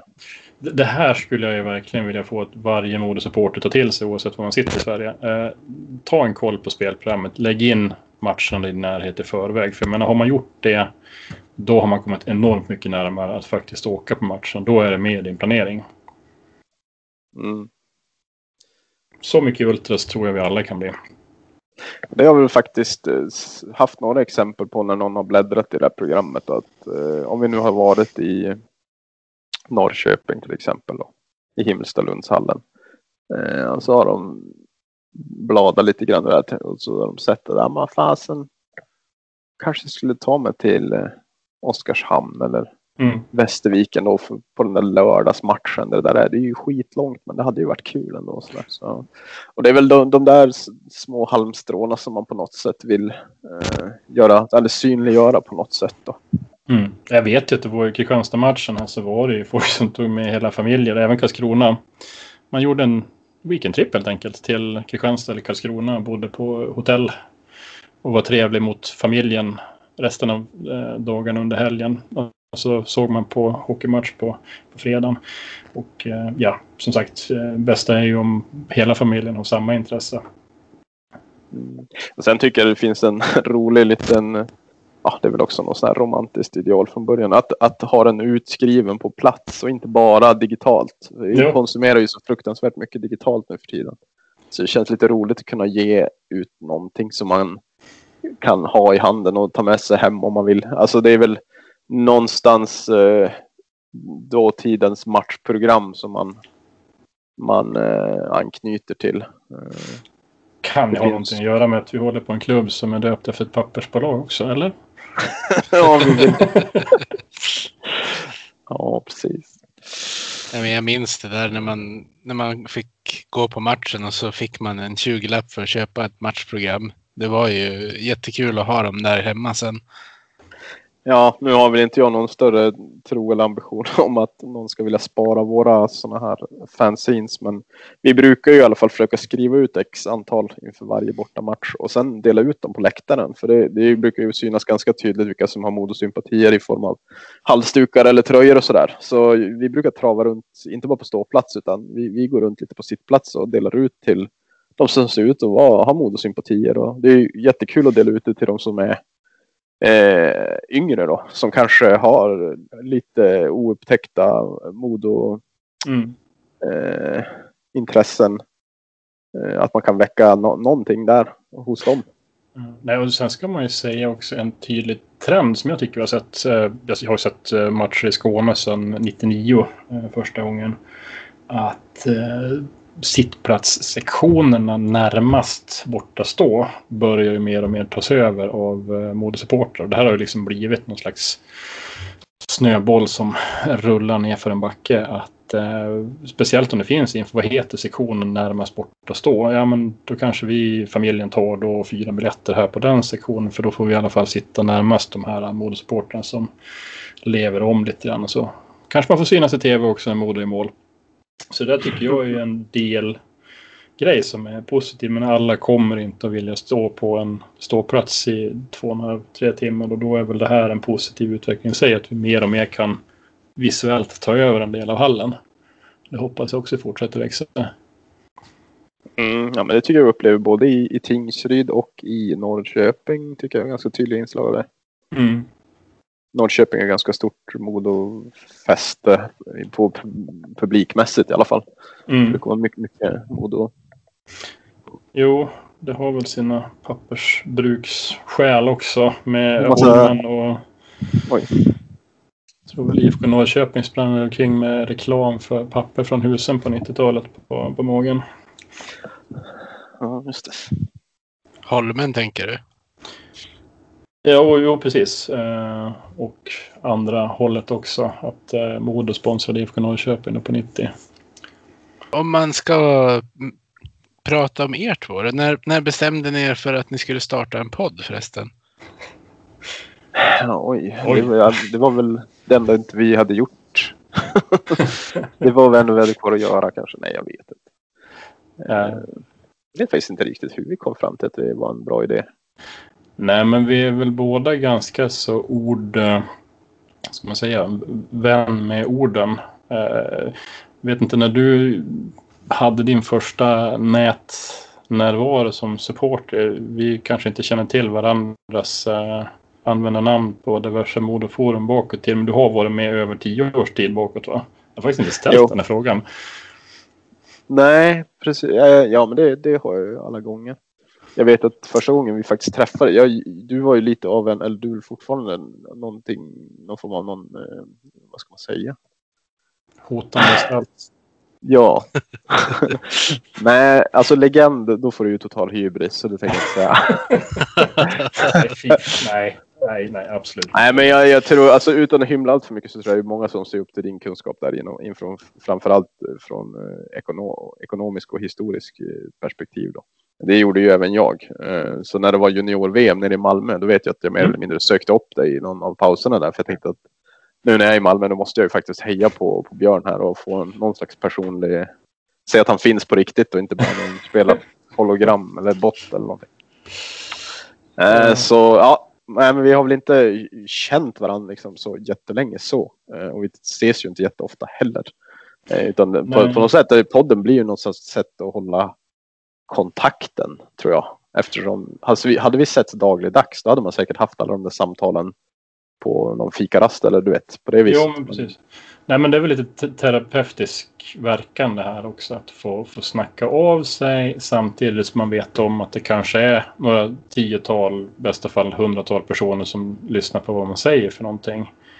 Eh, Man tvingas ju att kanske redigera sig lite grann från de tankar man har i hjärnan för att lägga fram det på ett bra sätt. För man vet ju att ja, det är ju folk från kansliet som sitter och lyssnar på det ibland. Det, det märker man ju att de refererar till saker man säger. Eh, så både liksom ha någon att snacka av sig med, beta av tankarna på ett systematiskt sätt. Men sen är ju också det underliggande tanken att alltså, vår fokus är ju supporterskap i exil. Eh, lite grann ha anknytning till, till folk här nere så att folk känner att eh, det är fler än jag som sitter eh, och tänker på Modo här i min ensamhet. Mm, det, det har väl även där att göra med att både du och jag sitter ju lite ja, på, på en ensam ö lite grann ute på oceanen. Eh, jag har ju inte jättemånga i min närhet eh, på jobbet som jag pratar Modo med till exempel. Utan här blir det ju att man pratar HV. Och då går det ju flika in lite Modosnack i det givetvis. Men det är ju ingen som kan kanske stimulera på, på den nivån som, som Björn kan då. Eh, så att, ja. sen, sen förekommer ju diskussionen såklart på sociala medier. Det, det vet vi allihopa. Alltså där är, finns ju hur mycket som helst man kan eh, engagera sig i. Nej, och Men, jag, eh, jag har ju den här nivån att jag kan inte ens diskutera hockey. Eh, jag har tvingats lite grann att lägga mig till med ett eh, intresse för Malmö FF för att kunna prata sport i jobbsammanhang. Och det är trevligt. Det är ett lag som vinner hela tiden. Så det, det, det tar jag som en liten extra bonus. Det är du inte van vid. Nej. Men själva podden, ja, det, det blir väl någon slags förlängning av det vi har tänkt med de här små supportergrupperna eh, kan man väl säga. Så vi är väl och, ja, vi är väl och drar runt lite här och var och prövar lite olika format. Vi kanske ska bestämma oss, eller säga, vad vi ska syssla med. Men Mm. eh, det, är- det är ju roligt att pröva lite nya grejer och eh, ja, jag tycker att det har varit väldigt eh, värdefullt och roligt att göra det. Ja. Eh, Och sen att vi, har en, att vi har en tydlig inriktning för den också. Feel good känslan av att göra ett genomtänkt strukturerat avsnitt av en podd är ju enormt mycket högre än att ha haft ett Twitterbråk med någon eh, kvällstidningsjournalist i alla fall. Det kan man ju säga. Jag tänker så här, det, det är ju det är svårt att ha en, eh, en intervjupodd som har Modoanknytning utan att prata om Modo. Så, så jag tänkte styra om till lite Modofrågor nu. Mm. Om det är okej för er. Ja, det, det kan vi köpa. Ja. Eh, vad tycker ni om Modos nyss avslutade säsong? Ja. Eh, ska jag vara ärlig? Mm. Det var det hemskaste, mest märkliga jag har varit med om som Modo-supporter. Jag förstod ingenting av vad som pågick. Ska jag vara mer utförlig än så? Nej, jag tror att de flesta förstår hur du tänker. Så. Ja. Nej, men det är så otroligt många situationer, både enskilda situationer i matcher, trender över enskilda matcher som helt plötsligt kan vara bortbytta och så är det fem förluster som man inte förstår hur de beter sig. Alla eh, tränarbyten, vad som har skett eller som, vad som inte har skett i den sportsliga styrningen. Jag ska inte säga att mitt engagemang på något sätt minskar. Men eh, jag har svårt att relatera till det som hände i år. Jag, jag vill bara glömma det. Fullt rimliga tankar ska jag säga. Ja, alltså det är lustigt för som säsongen, eller för den förra avslutades och den här påbörjades, så det man var orolig för i första läget, det var ju ekonomin. Eh, och det är väl på något sätt den som har, det enda som har klarat sig någorlunda. Resten har ju fallerat eh, i alla avseenden på något vis. Eh, vad det gäller det sportsliga. Eh, så det, det är väl bara att instämma. Alltså, jag tror väl alla egentligen har samma åsikt. Eh, Det, det finns väl, ja, in, inte så mycket nytt under solen egentligen. Det enda som var riktigt skönt det var ju att slippa vara med om ett kval. För alltså det magsåret som det skulle innebära, det, det vill man ju inte önska någon. Eh, jag jobbar ju som sagt här i Jönköping nu och, och ja, i Huskvarna. Och mina kollegor som är, har HV-sympatier nu, alltså man, man har sån igenkänning i vad de går igenom. Eh, och att de, de är i någon slags förnekelsestadie nu och inte riktigt förstår vad som pågår och helt säkra på att de ska åka ur. Men jag tror inte de riktigt har förstått vad, vad det egentligen innebär. Eh, så att, ja, det, det får man väl ändå ta med sig att avslutningen här lyckas knyta ihop det och inte behöva kvala. Det är väl ändå ja, kanske värt någonting att ta med sig då. Men annars så håller jag med Björn just det. Det fanns ju ingen logik i någonting. Eh, vare sig sportsliga resultat eller eh, i vilka spelare som helt plötsligt valde att sluta och inte kunde fortsätta på grund av skadebekymmer. Och Det känns, allting hände. Eh, och nästan allt hände på ett negativt sätt. Mm.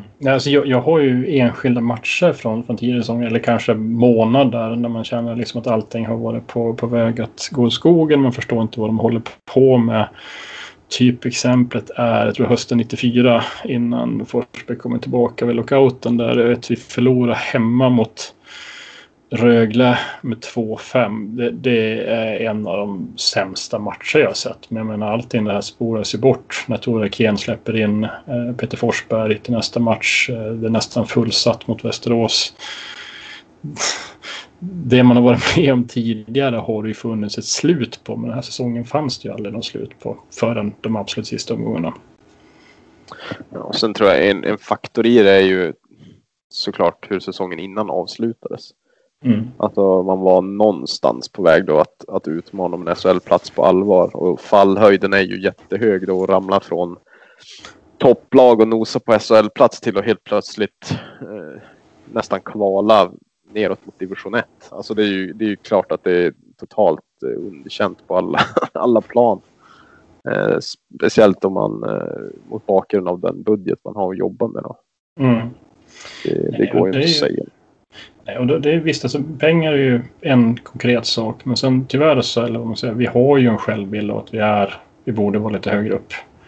Och den kommer ju inte försvinna under en sommar. Speciellt inte om det sista vi såg från senaste säsongen var att vi hade en reell chans att gå upp. Det, det, det går inte att vi är supportrar ska ta det här på ett eh, fullt ut balanserat sätt. Sen kanske man ska gå och slå en näve i väggen istället för att skriva av sig på internet i vissa situationer. Ja, men det kan jag hålla med om. Det finns ju vissa individer som har blivit väldigt intaggade i grejer som de kanske liksom redan jobbar på. Mm. Tänker jag inte bara sportchef utan jag tänker överlag inom föreningen och så vidare. Utan att gå in på detaljer. Nej, men alltså ska vi hålla allmänt där så jag menar den, den intagningen kommer ju aldrig någonsin att göra någonting i någon riktning annat än personen känner ännu mer stress över sin, sin situation. Utan det, jag har ju varit inne på det tidigare, men vi, vi har ju faktiskt konkreta demokratiska möjligheter. Man kommer inte få exakt eh, de personer man vill ha eh, i ledande positioner i föreningen, men utnyttjar man de demokratiska möjligheter vi har, då sätter du liksom press på verksamheten att leverera bättre. Eh, det, det är så det ska fungera. Vet ju att den här fotbollsföreningen, den här stan jag är i, men har ju en väldigt aktiv, livlig, både supporterkultur men även demokratisk kultur. Där det är ett krav på ledande företrädare att kunna komma till ett årsmöte och presentera hur de har tänkt i olika situationer. Och har de dåliga svar, ja men då refereras ju det i, i lokalmedia och det blir pinsamt. Och har man då näringslivsuppdrag vid sidan av, ja men då blir det jobbigt i relationerna man har i företaget också. Ja. Eh, men vi har ju gått igenom det mesta jag tänkte fråga om föregående säsong. Men nu är det ju flera tomma positioner i sportsliga leden. Bland annat. Vilken riktning tror ni att klubben kommer gå nu? Ja... Eh, vad ska vi tro? Ja. man har ju ganska kort tid på sig här och, och försöka reparera den nya skalan som är gjord. Ehm, så det, det vore ju skönt på något sätt tycker jag personligen i alla fall om det är någon om man tar sportchefsrollen då att det är någon eh, förankring till klubben sen, sen, tidigare så att man har någon slags eh, aning om vad det är för någon person man får här. Eh, det skulle jag väl i alla fall känna eh, skulle vara skönt än att ha någon eh, utifrån som som, där det blir mer risk involverad igen då inom situationstecken. Mm. Eh, men eh, ja, ska man gå på den värdegrund eller vad man ska säga, den inriktning som klubben själva beskriver att man vill jobba mot med kontinuitet och förtroende och sådana här saker så är, den är ju liksom rätt så eh, omkullkastad redan. Så att eh, ja, jag har väl egentligen inga större förväntningar på att det ska ske något, eh, något i någon ny riktning eh, än vad man har gjort innan. Nej, alltså med tanke på, jag har ju varit inne på det några gånger tidigare, det, det, ägandet av de sportsliga frågorna, då, då pratar vi kanske en nivå som ligger ovanför sportchef, är inte tydligt i Modo i dagsläget. Vi vet att Pierre Hedin sitter i styrelsen och att han eh, refereras till när det gäller en del sportsliga överväganden. Men eh, exakt hur det har gått till när det har tagit sportsliga beslut i styrelsen är inte tydligt för mig. Absolut inte lika tydligt som det var på 90-talet vem det var som hade varit och haft synpunkter i de sportsliga frågorna. Och har vi inte det tydliga ägandet, nej men då tror inte jag heller på att det kommer bli några väldigt spektakulära eller unga namn på sportchefsposten. Det skulle vara jättekul om jag blir överraskad nu om man fullständigt lurar mig. Men jag tror att det kommer vara någon rutinerad person med kontaktnät. Lite grann för att skapa lugn i supportleden mm. också.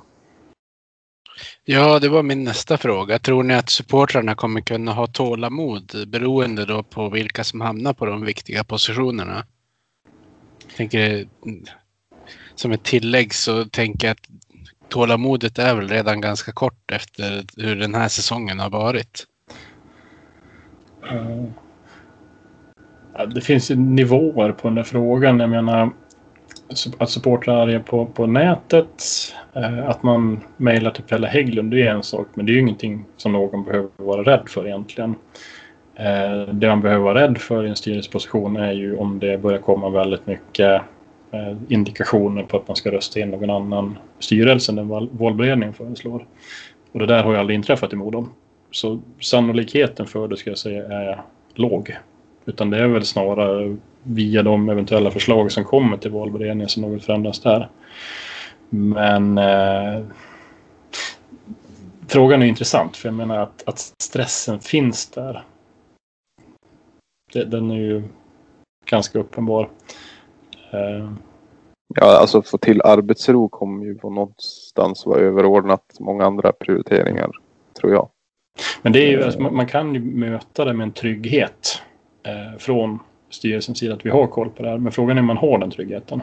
Ja, det här med styrelsen och involverandet i sporten och det har ju blötts många gånger på sociala medier nu.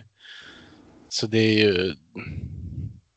Ja, det är väldigt mycket olika rykten om man säger mm. så. Ja, det är ju olyckligt att det är så, givetvis. Um, då får man väl skapa sin egen uppfattning då vad man själv tycker är verkar mest rimligt eller inte.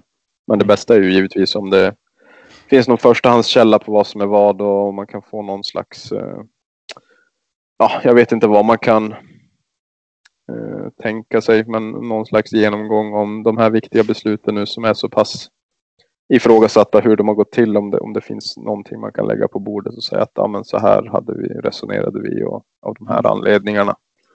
Eh, om det nu, jag vet inte om det finns liksom, vad ska man säga, politiskt utrymme för att vara så transparenta. Mm.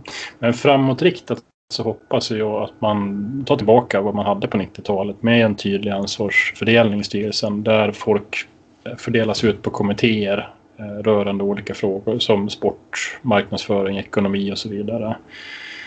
Man hjälper sig själv. Eh, jag menar, otydligheten kring vem det är som ska vara inne och ha synpunkter på, på sportsliga frågor försvinner ju. Då kommer det kanske vara en, två personer som har varit bollplanken och då ja, vill Pelle Hägglund eller Jon Häggkvist gå och fråga dem då är det ju jätteenkelt att göra det. Men mm. den otydlighetskakan vi har levt med i år har ju den har ju hjälpt till med att förstöra förtroendet. Sen skulle det teoretiskt sett kunna vara så att det är jättetydligt ansvarsfördelat absolut, inom, absolut. inom styrelsen. Men att det då inte är kommunicerat. Så det kan att de har full koll på att eh, vem som eh, mm. bör mm. eller inte bör vara involverad i vissa typer av beslut. Då. Ja, klart. Då, men då har de misslyckats med, med kommunikationen som ju också är ett återkommande tema i den här föreningen det här året. Mm. Så det finns bättringsmöjligheter och det är väl det jag vill driva på lite grann. Jag menar, har vi misslyckats med saker i år och vi kan identifiera vad det är vi har misslyckats i, ja men då finns det ju grund för förbättring och då kanske man ska vara lite positiv ändå. Ja, samtidigt så finns det ju en ganska stort mått av att vara less på att hitta saker som inte funkar. För det har ju med tanke på hur många spel eller tränare och sportchefer och spelaromsättning som det har varit så ja. Man, man vill ju hellre se kanske nu någon, någon slags eh,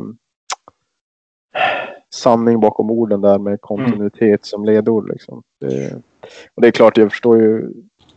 Det är klart att supportrarna kommer ha någon slags, vad ska man säga, kort eh, förtroende för vem det än blir som blir sportchef till exempel. Men samtidigt så, alltså den det väl blir så den, den personen måste vi ju det kommer vi få leva med, liksom, så, så är det ju. Eh, det går ju mm. inte att hålla på och bara skrika sig till en ny sportchef bara för att det inte funkar de första fyra veckorna.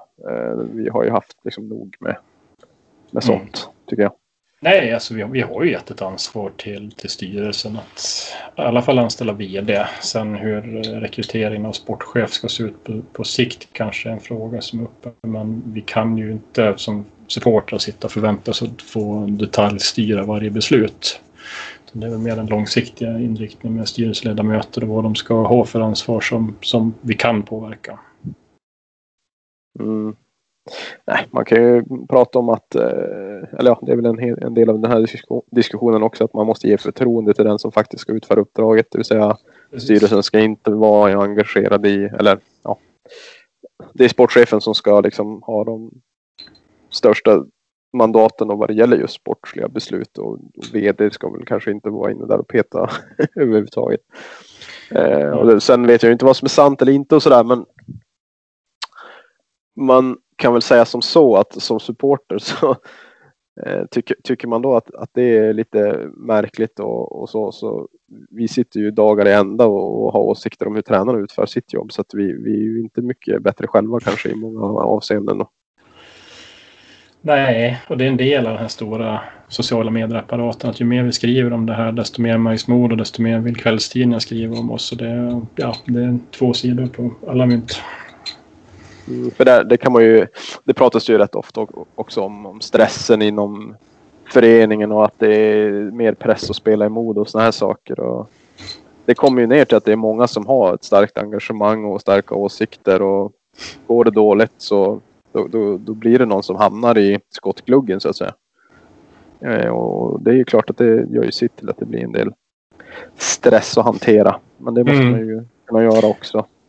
Men det, men det är också en fråga jag, jag gillar väldigt mycket. Alltså, är vi för dåliga på att rekrytera människor som växer av press, eh, kravnivåer, eller, för jag, jag har ju svårt att tro att vi skulle vara idrottsvärldens mest kravfyllda, stressande miljö. Det, det måste finnas väldigt många miljöer som är mer stressande än att spela mode i Hockeyallsvenskan. Eller?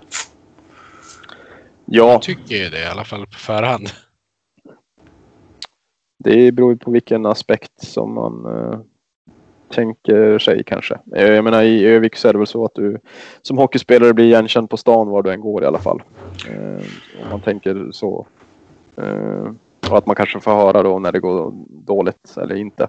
Och att det finns en sån typ av stress. Eh, men jag vet inte om det är den typen av stress vi mm. är ute efter i det här resonemanget. Det har väl refererats till det här med, med flaggor i taket och sådana saker och gamla storspelare som man kan se i gångarna och det. Men det, den, den där nivån har jag svårt att ta till mig för jag vet inte.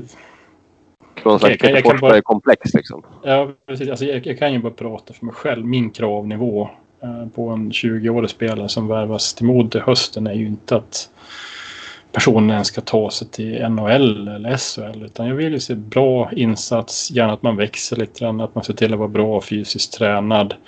Så kommer du få en lön någonstans mellan 30 och 50 000 för, i månaden för ditt jobb.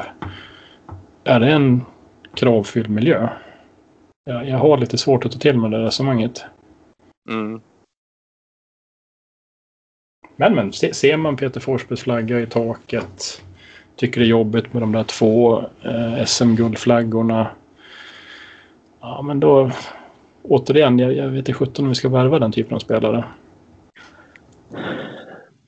Det måste, man måste ju kunna göra en psykologisk utvärdering också. Mm. Jag håller med. Uh, hur viktig uh, tror ni att den uppkommande säsongen blir? Ja, eh, Eh, alltså förtroendekapitalsmässigt för föreningen som helhet så är det klart att den blir jätteviktig. Alltså vi måste ju studsa tillbaks från en sån här både sportslig och eh, ska man säga, ledningsmässig katastrof mer eller mindre. Jag menar, vi har sparkat tränare inte bara en gång och sportchefen får gå. Eh, vi har bytt lagkapten. Det, det finns ju hur många förbättringspunkter som helst som, som eh, det, det, får inte bli en till den här pass dålig säsong. Det, det får bara inte hända. Eh, så det måste bli ett nytt avstamp här och, och hitta en betydligt bättre väg eh, framåt och uppåt i tabellen framför allt. Ska jag säga. Mm.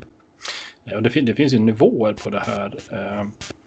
Ens är ju liksom var, var, vi kommer hamna någonstans i tabellen. Men jag menar, börjar det liksom dyka upp rykten om att vi är dåligt fysiskt tränare, tränade. Det dyker upp nyförvärv som inte ska ansluta förrän i början av oktober som dyker upp och visar tydliga tecken på att de inte har skött träningen. Sånt här tror jag liksom skulle kunna göra att saker spinner iväg åt helt fel håll. Eh, när det gäller relationen med supportrar. Men vi kan göra mycket rätt också under sommaren som vi har kanske misslyckats med tidigare. Men eh, ser vi liksom de här hårda fakta, var lönebudgeten kommer att ligga någonstans i förhållande till våra konkurrenter. Ja, men det är ju väldigt svårt att ha någon annan kravnivå än vi ska spela slutspel i Hockeyallsvenskan när vi går in i en ny säsong. Ja, jag vill nog sätta nivån högre än så faktiskt. Jo, jo, men, absolut. Men det, det är just det här att vända det från var vi var i år. Mm. Ja, alltså det, nu har jag inga siffror på det alls överhuvudtaget, men jag vet inte hur vanligt det är att man tappar så många tabellplaceringar på en enskild säsong inom samma serie. Det måste vara, ja, jag inbillar mig att det är rätt så ovanligt. Men eh, det kanske inte är. Sen kan man ju såklart, vi har jättehög spelaromsättning. Eh, det vore ju väldigt bra om den kom ner lite också.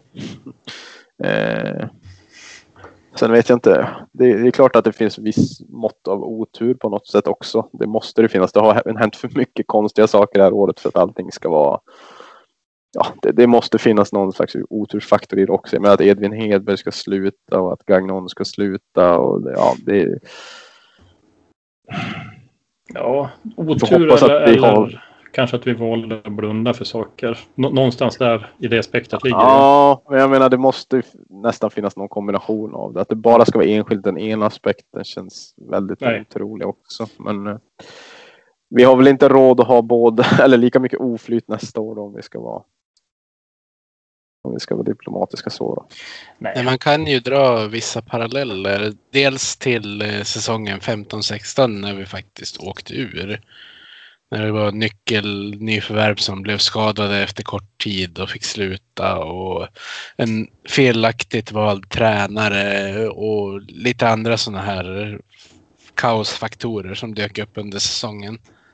Ja, men jag har så svårt att, alltså en felaktigt vald tränare, hur, hur vet man det egentligen? Eller är det, alltså jag har ett exempel som jag brukar ta det med Oskar Alsenfelt. Som värvas till Modo och gör typ tre helt, eller jag vet inte hur många matcher det är, men det är ju några helt obegripligt dåliga insatser. Och typ kastar in puckarna i egen bur. Men när han sen har lämnat Modo igen, vilket han ju till slut typ måste göra för att det funkar ju bara inte. Så kommer han ju upp på en nivå som, eh, som ja, den nivån han, nivån han har värvats för helt enkelt. Alltså just den här faktorn, liksom hur man kommer in och får en bra start och sådana här saker och självförtroende. Ja, jag vet inte hur mycket det spelar in också. Mm. Men eh, vad ska vi säga, vi, vi ska inte titta på TED Talks för när vi väljer tränare i framtiden i alla fall.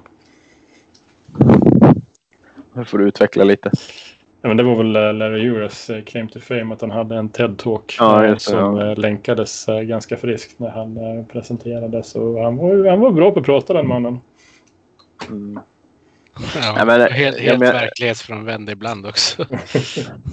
men om man tittar på hur många tränare vi har haft de senaste, vad ska vi ta, tio åren i alla fall.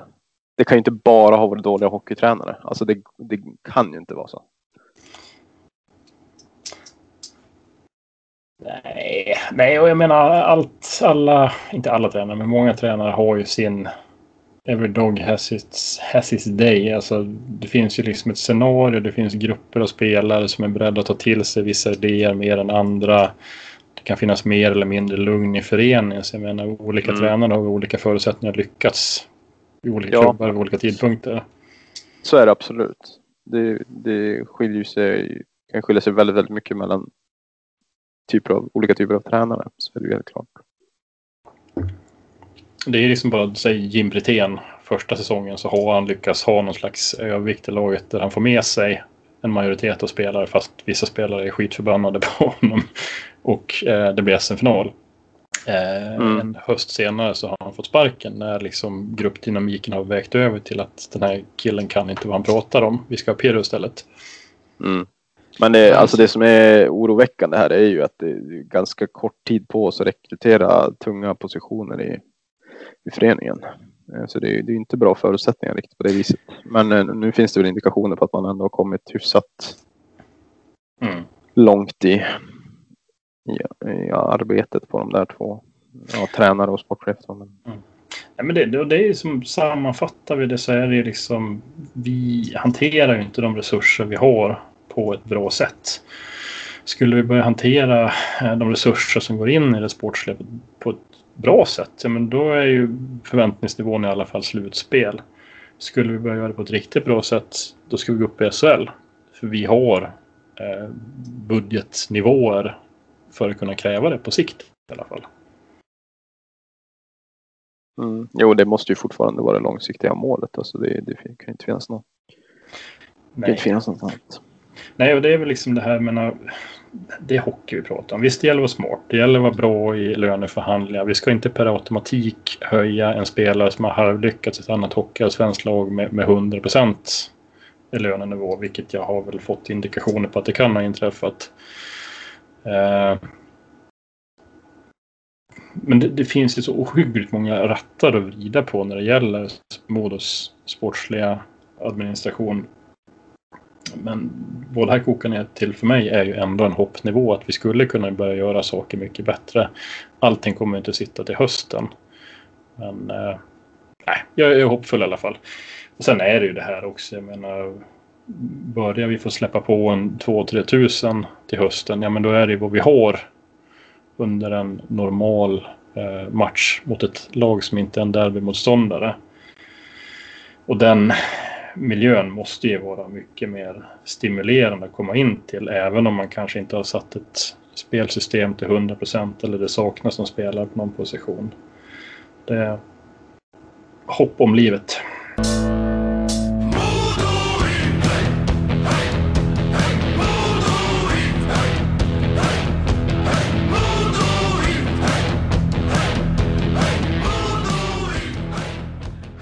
Då tänker jag vi, vi hoppar vidare till eh, den avslutande sektorn av det här programmet. Då. Eh, jag tänkte att vi kom in och prata om 100-årsjubileumet. Ja, det var roligt att vi ska prata om något som var roligt. Ja, precis. Jag tänkte vi skulle spara det roliga till sist. Ja, det är bra. Eh, Hur tycker ni att klubben har skött jubileumsåret? Ja, ska jag börja Björn tycker du eller? Absolut, kör. Nej men alltså vad svårt för klubben. Alltså nästan omöjliga förutsättningar ju. Hur sjutton ska man ta sig an det här när det blir de här förutsättningarna? Hur gör vi? När tar vi beslutet eh, om vi ska genomföra firandet eller inte? Eh, det kommer olika direktiv från Folkhälsomyndighet eh, från månad till månad och man vet inte alls vad som gäller tre månader framåt. Eh, så alltså jättemycket cred tycker jag till hur man har skött det här. Eh, och låta det ta sin tid och, och inte haft liksom bråttom på något sätt utan eh, ja, haft tålamod och sen att det fick kulminera med något som vart extremt lyckat igår skulle jag säga utan att ens kunna ha eh, publik Eh, eller åskådare besökare i arenan. Eh, jag skulle säga extremt väl genomfört. Mm. Värdigt. Men det är alltså... Det, det, det ska ju vara ett firande och en fest har du med människor. Att ta bort komponenten människor ur en fest så blir det inte så mycket kvar av festen. Så det, det, det, det är som det är. Jag menar, sättet som det hanterades igår och även när det liksom har funnits möjlighet tidigare under säsongen tycker jag är värdigt. Eh, inte på något sätt att man försöker att släta över de problem vi har haft under säsongen utan det här firandet handlar om de människor som har gjort ett gigantiskt jobb för föreningen historiskt sett. Det är ju ett, ett, ett hyllande av vad de har gjort. Eh, sen får vi själva se till att bygga en bra framtid. Men det, det jag tycker är en faktor i det här det är just hur de tillgängliggör det för supportrar ute i Sverige. Att det inte mm. bara är supportrar på plats som blir inbjudna till arenan på någon slags festbankett eller något sånt där utan här lyckas man ju faktiskt på ett extremt eh, snyggt och effektivt sätt göra alla involverade i firandet även om man inte kan ha besökare inne i själva arenan. Men att, att få följa det här via sändningen igår och på det sätt som den genomfördes, det var ju jätte, jätteskönt sätt att få avsluta säsongen på tycker jag. Mm. man matchar ju liksom alla de här dimensionerna av Modo, kvartersklubben, största klubben i Ångermanland och en klubb som faktiskt folk känner till eh, borta i NHL med väldigt stora stjärnor och medieprofiler som skickar hälsningar det, jag tycker man fångade alla de här dimensionerna på, på ett bra sätt igår. Ja, man hade med både historik och nutid och från damlaget och från herrarna. Det var väldigt Emil Källström på sin traktor vid sin släktings gamla fik. Ganska vältalig person. Inte svårt att finna orden för honom. Nej. Vad tycker du själv Peter? Ja, men jag, jag tycker som jag håller med er väldigt mycket där. Det är ju, jag vet ju att klubben hade ju som mål att använda det här retrostället i någon match, men de ville ju göra det med publik.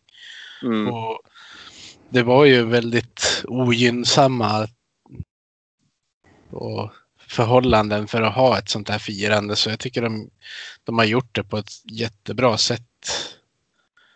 Fått även om det här med artiklarna kanske blev eh, liksom sista dagarna inför och allting så tycker jag ändå att det har varit planerade saker de har gjort. Det märks att de har tänkt på det här över tid och lagt upp det på ett fint sätt. Mm. Nej, och det hade ju funnits ett problem också att börja trycka ut sånt här mitt i eh, när det var som mest eh, sportsligt stökigt under säsongen. Då tror jag att reaktionen som många hade blivit, ni försöker bara släta över det vi ser på isen eh, med något eh, jubileum kring folk som levde för 50-60 år sedan. Och det hade ju blivit tråkigt. Både för de här människornas prestationer men Ja, men liksom också att, att det hade missuppfattats på så sätt. Så det, det blev bra som det blev här. Jag menar, vi kan ju fira att vi fyllde 100 med eh, retroställ och sådant i, i höst också. Det är ju ingenting som säger att man inte kan fira ett 100-årsjubileum några månader efter att man faktiskt fyllde 100. Nej, för man är ändå inne på samma kalenderår. Precis. Uh, har ni firat 100-årsjubileumet på något sätt? Nej, det var ju genom att, att följa sändningen igår och eh, öppna en flaska champagne. Jag eh, följde Björns exempel där. Uh, även om jag inte hade en lika fin stol att ställa upp den på. No. Uh, men uh, det var väl det. och sen uh, vart det en del snack efteråt i, i sociala medier hur, hur väl genomfört det var. Och, ja, jag måste säga att jag vaknade upp och var riktigt glad i morse och det var till stor del på grund av att man fick avsluta säsongen med något som faktiskt var positivt. Mm. Nej, det, det, det är en känsla av att vi, vi har en väldigt tydlig identitet kring vad, vad klubben är för någonting och vad vi har upplevt tillsammans. Det där är en känsla av glädje som var väldigt avslappnande och vakna upp med i morse och också att man känner mer eh, fokus inför den säsongen som komma skall. Det var, det var återigen terapi. Det var definitivt terapi man blev utsatt för igår kväll. Mm. Ja, men jag håller med. Sen, sen, är det ju ändå det är jätteviktiga beslut ja, inom kort tid här att, att ta. Så vi får se hur länge man får vara, vara lugn i, i, i, i hockeykänslorna nu här innan det börjar svalla igen. Ja, nej, men jag vill komma tillbaka till lite. Alltså det, det är hockey vi håller på med. Det är inte eh, kärnfysik eller eh, raketteknik. Eh, jag tror att vi ska kunna hitta människor som kan driva den här föreningen till nya sportsliga framgångar. Ja. Eh, jag var ju inne på Facebook eh, häromdagen och efterlyste lite, lite supportrar som ville fråga om hur de blev modoiter. Tänkte om ni skulle vilja höra på några stycken. Absolut. Ja, Det finns ju en del som har blivit av vissa spelare och, och så. Men jag tänker jag ska läsa igenom några av de andra exemplen här. Det är ju det är folk som, som är född i Övik till exempel. Vi har eh, Håkan Nordlund säger att han är från Edsbyn och håller på Modo sedan 70-talet på grund av att hans bror flyttade till Övik och bor där fortfarande. Eh, en som heter Göran Lid säger att han är född i Övik och har följt Modo sedan 8-9 års ålder. Han återkommer varje år till Niklas Sundströms hockeyskola som ledare för ungdomar som älskar hockey. Vi har en, en som heter Peter Forsberg som skriver att han, han är från södra Dalarna. Har hållit på Modo sedan Fredrik Andersson stod i Modomålet. Han var min stora idol. Sen dök det upp en annan person med samma namn som mig. Ja, det är bra. Ja. Kristoffer uh, Hammarlund har skrivit född och uppvuxen i Småland utan någon som helst koppling till Ångermanland. Blev Modo-supporter som gosse 1991. Delvis en slump och delvis för att Modo hade två super 17-åringar som lekte mm. hockey. Mm. Ja, det där är ju intressant liksom hur, hur Modo har gått från att liksom engagera människor lokalt i Ångermanland till att bli en identitet som man kan känna sympati för och börja identifiera sig, sig själv med. Och det där tycker jag är jätteviktigt att klubben tänker på. Jag menar, ser man diskussioner i, i ÖA så kan det ofta bli ibland som att mode är någonting som bara angår folk här lokalt. Men så är det ju absolut inte. Mode är ju större än så. Ja, på något sätt så måste vi få in de här människornas eh, synpunkter och bild av mode också. Om vi ska fortsätta och bli större och starkare. Ja. Mm. Vi hade ju faktiskt en sån uh, liten spalt i våran, uh, i vårat fanzine där som vi införde efter ett tag som vi kallade för Varför Modo. Eh, och då roade vi oss lite med samma sak där att på läktaren och fråga eh, människor där. Ja, men varför håller du på Modo? Du, är inte, du bor ju inte i Övik. Och det var ju ganska roliga svar där man kunde få emellanåt. Eh, vi har ju en av våra vapendragare här. Han började ju hålla på Modo för att han, han frågade sin pappa på, var det på slutet av 90-talet så frågade han vilket som var det bästa röda laget.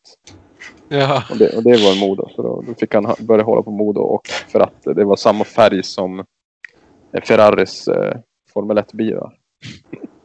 så det Just finns det. lite olika det finns lite olika varianter på det där helt klart. Nej, jag menar det jag är lite rädd när jag, när jag liksom säger sådana saker. min släkt har jobbat på moderbruk i tre generationer. Att man liksom låter som någon som är bättre eller har mer rätt att hålla på mod. Och det, det är det ju inte. Ska, jag ska koka ner väldigt mycket till vad det handlade om i början var ju liksom att jag ville eh, ha mitt eget lag att hålla på, på, på skolgården. Det är väl kanske min buttra personlighet som avspeglar sig lite grann. Att jag inte vill vara med i alltför allt för hjärndöda gruppkonstellationer. men du, du, du pratar ju ändå med mig ibland. Ja, jo men du vet jag är lite så här, lite så här halvautistisk och butter och sådär. Så det, nej, det, jag, jag, ska inte köra allt för mycket referenser om bruksarbetare i, i Husum. Det blir lite för mycket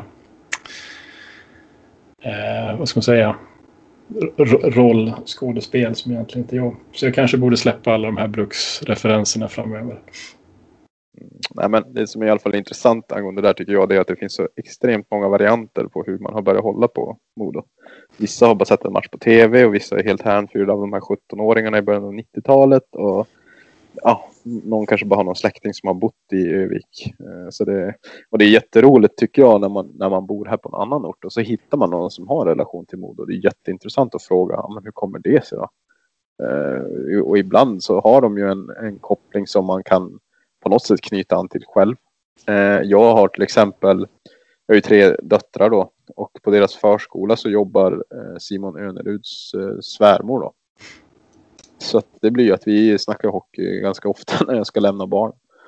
Eh, och eh, hon berättar ju att hon har ju modotröjor hemma och så vidare. Så eh, det är alltid roligt när man stöter på sådana här situationer i vardagen som man inte alls eh, trodde skulle handla om Modo.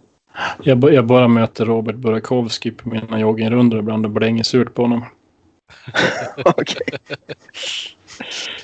Vill ni höra min absoluta favorit från den här ja, frågan?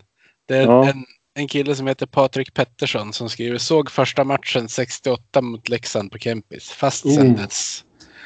Uh, Sundsvallsbo sedan 30 år och har haft mina duster med tikarna men har alltid stått upp.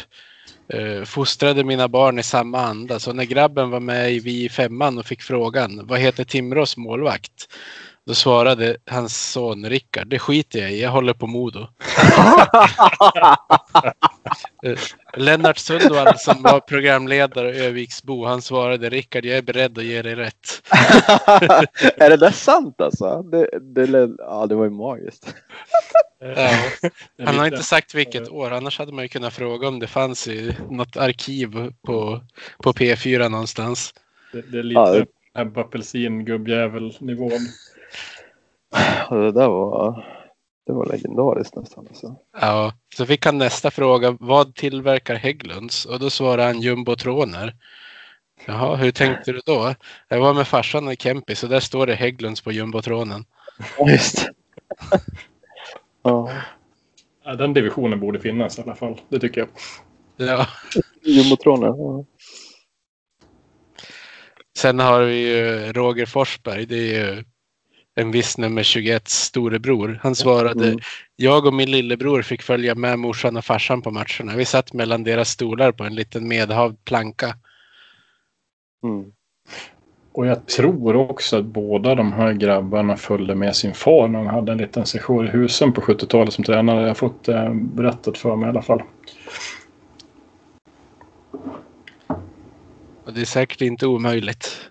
Det är synd att den där plankan inte överlevde. Annars hade den nog också varit i de där montrarna utanför. ja, precis. Jag tänker att vi ska avsluta med att ni får, får nämna ett eller två personliga favoritminnen Modo-relaterade. Oj. Alltså jag, först. Jag, ja, vi tar dressinen först och väntar med första klass. Nej men jag, jag, Jag tänker vara ruggigt traditionell här för jag kände på mig att den här frågan kunde komma. Eh, och jag måste säga SM-guldet i Linköping. Jag måste göra det. Eh, för det, det är ändå det ultimata. Eh, det, det, och det vet man inte om man får uppleva igen. Eh, och den eh, extremt märkliga känslan, men den har vi ju alla eh, inom oss som upplevde det guldet att man inte visste vad, vad, vad, vad, vad händer nu? Alltså vi har vunnit. Vad, mm. vad, alltså någon slags kombinerad tomhet med eh, eufori som man, alltså det finns ingen känsla som, som liknar den på något sätt. Från att vara något eh, inrotat losergäng, man visste att vi kan inte vinna. Vi kommer inte vinna. Eh, vi kommer bli tvåa. Men så vinner man. Hur reagerar man nu? Vi har vunnit. Vad gör man? Ja. Och vi står där på läktaren i, i Cloettas Center. Och så har jag, en, jag pluggar i Norrköping då. Så jag har med mig en av mina studenter, eh, ja vi delar lägenhet, så han följde med på matchen. Och han, han är från Falkenberg och har inte, inte ett spår av hockey i kroppen överhuvudtaget. Och han börjar, vad fan ni måste börja sjunga på SM-guld. Alltså sjunga SM-guld, vad håller ni på med? Så han börjar sjunga SM-guld och vi bara, ja just fan, vi har vunnit liksom. Så här, SM, ja nu kör vi. Ja. Det, det satte lite, tyckte jag, stämpeln på hur, hur konstigt man reagerar. Alltså, som, första gångs vinnare av... eh, man har liksom aldrig varit i den situationen innan. Eh, och sen allting som följer efter det då såklart, det är ju liksom en historia för sig. Eh, jag fick ju låna med Peter Hollanders eh, legendariska Gabba Gabba Hej-flagga. Så jag var ju inte en van tvåpinneviftare i det skedet. Så jag hade väldigt mycket fokus på det. Men just det där liksom att säkringarna brinner i skallen och man är inte riktigt där. Och hur firar man ett SM-guld? Jag har ju fastnat på någon YouTube-film där det, Per Svartborg kommer gå förbi med Lematt-bucklan. Och så kommer jag sista sekund på fan jag måste ju ta på den här bucklan. Så liksom jag tränger mig fram mellan folk och skrämmer väl säkert svarten också när min arm kommer över hans axel. Och så lyckas jag få den där äh, nypen i locket på Lematt-bucklan. Så både bildbevis och en känsla inombords. Så att jag, jag försökte ta för mig lite under den där kvällen i alla fall. Eh, nej men eh, minnen, det där är ju absolut ett, ett fantastiskt minne på det planet. Men, men ska jag bara ta ett annat minne för att få någonting annat här rent berättarmässigt så är det ju kvalserien 1990 och det är ju liksom den här ensamma supporterkänslan, inte tillsammans med andra människor. Utan jag satt hemma i mitt pojkrum i Falun och lyssnade på eh, sista omgången där i kvalserien och vi ligger under med är det 4-1 mot Rögle. Vänder det sakta men säkert. Vinner i eh, förlängning och får stanna kvar i elitserien. Det, det, jag, alltså, det jag delar med min familj där och då. Men det finns ju liksom ingen annan som jag kan dela det med. Och det där är väl också ett intressant typ av, eh, av minne.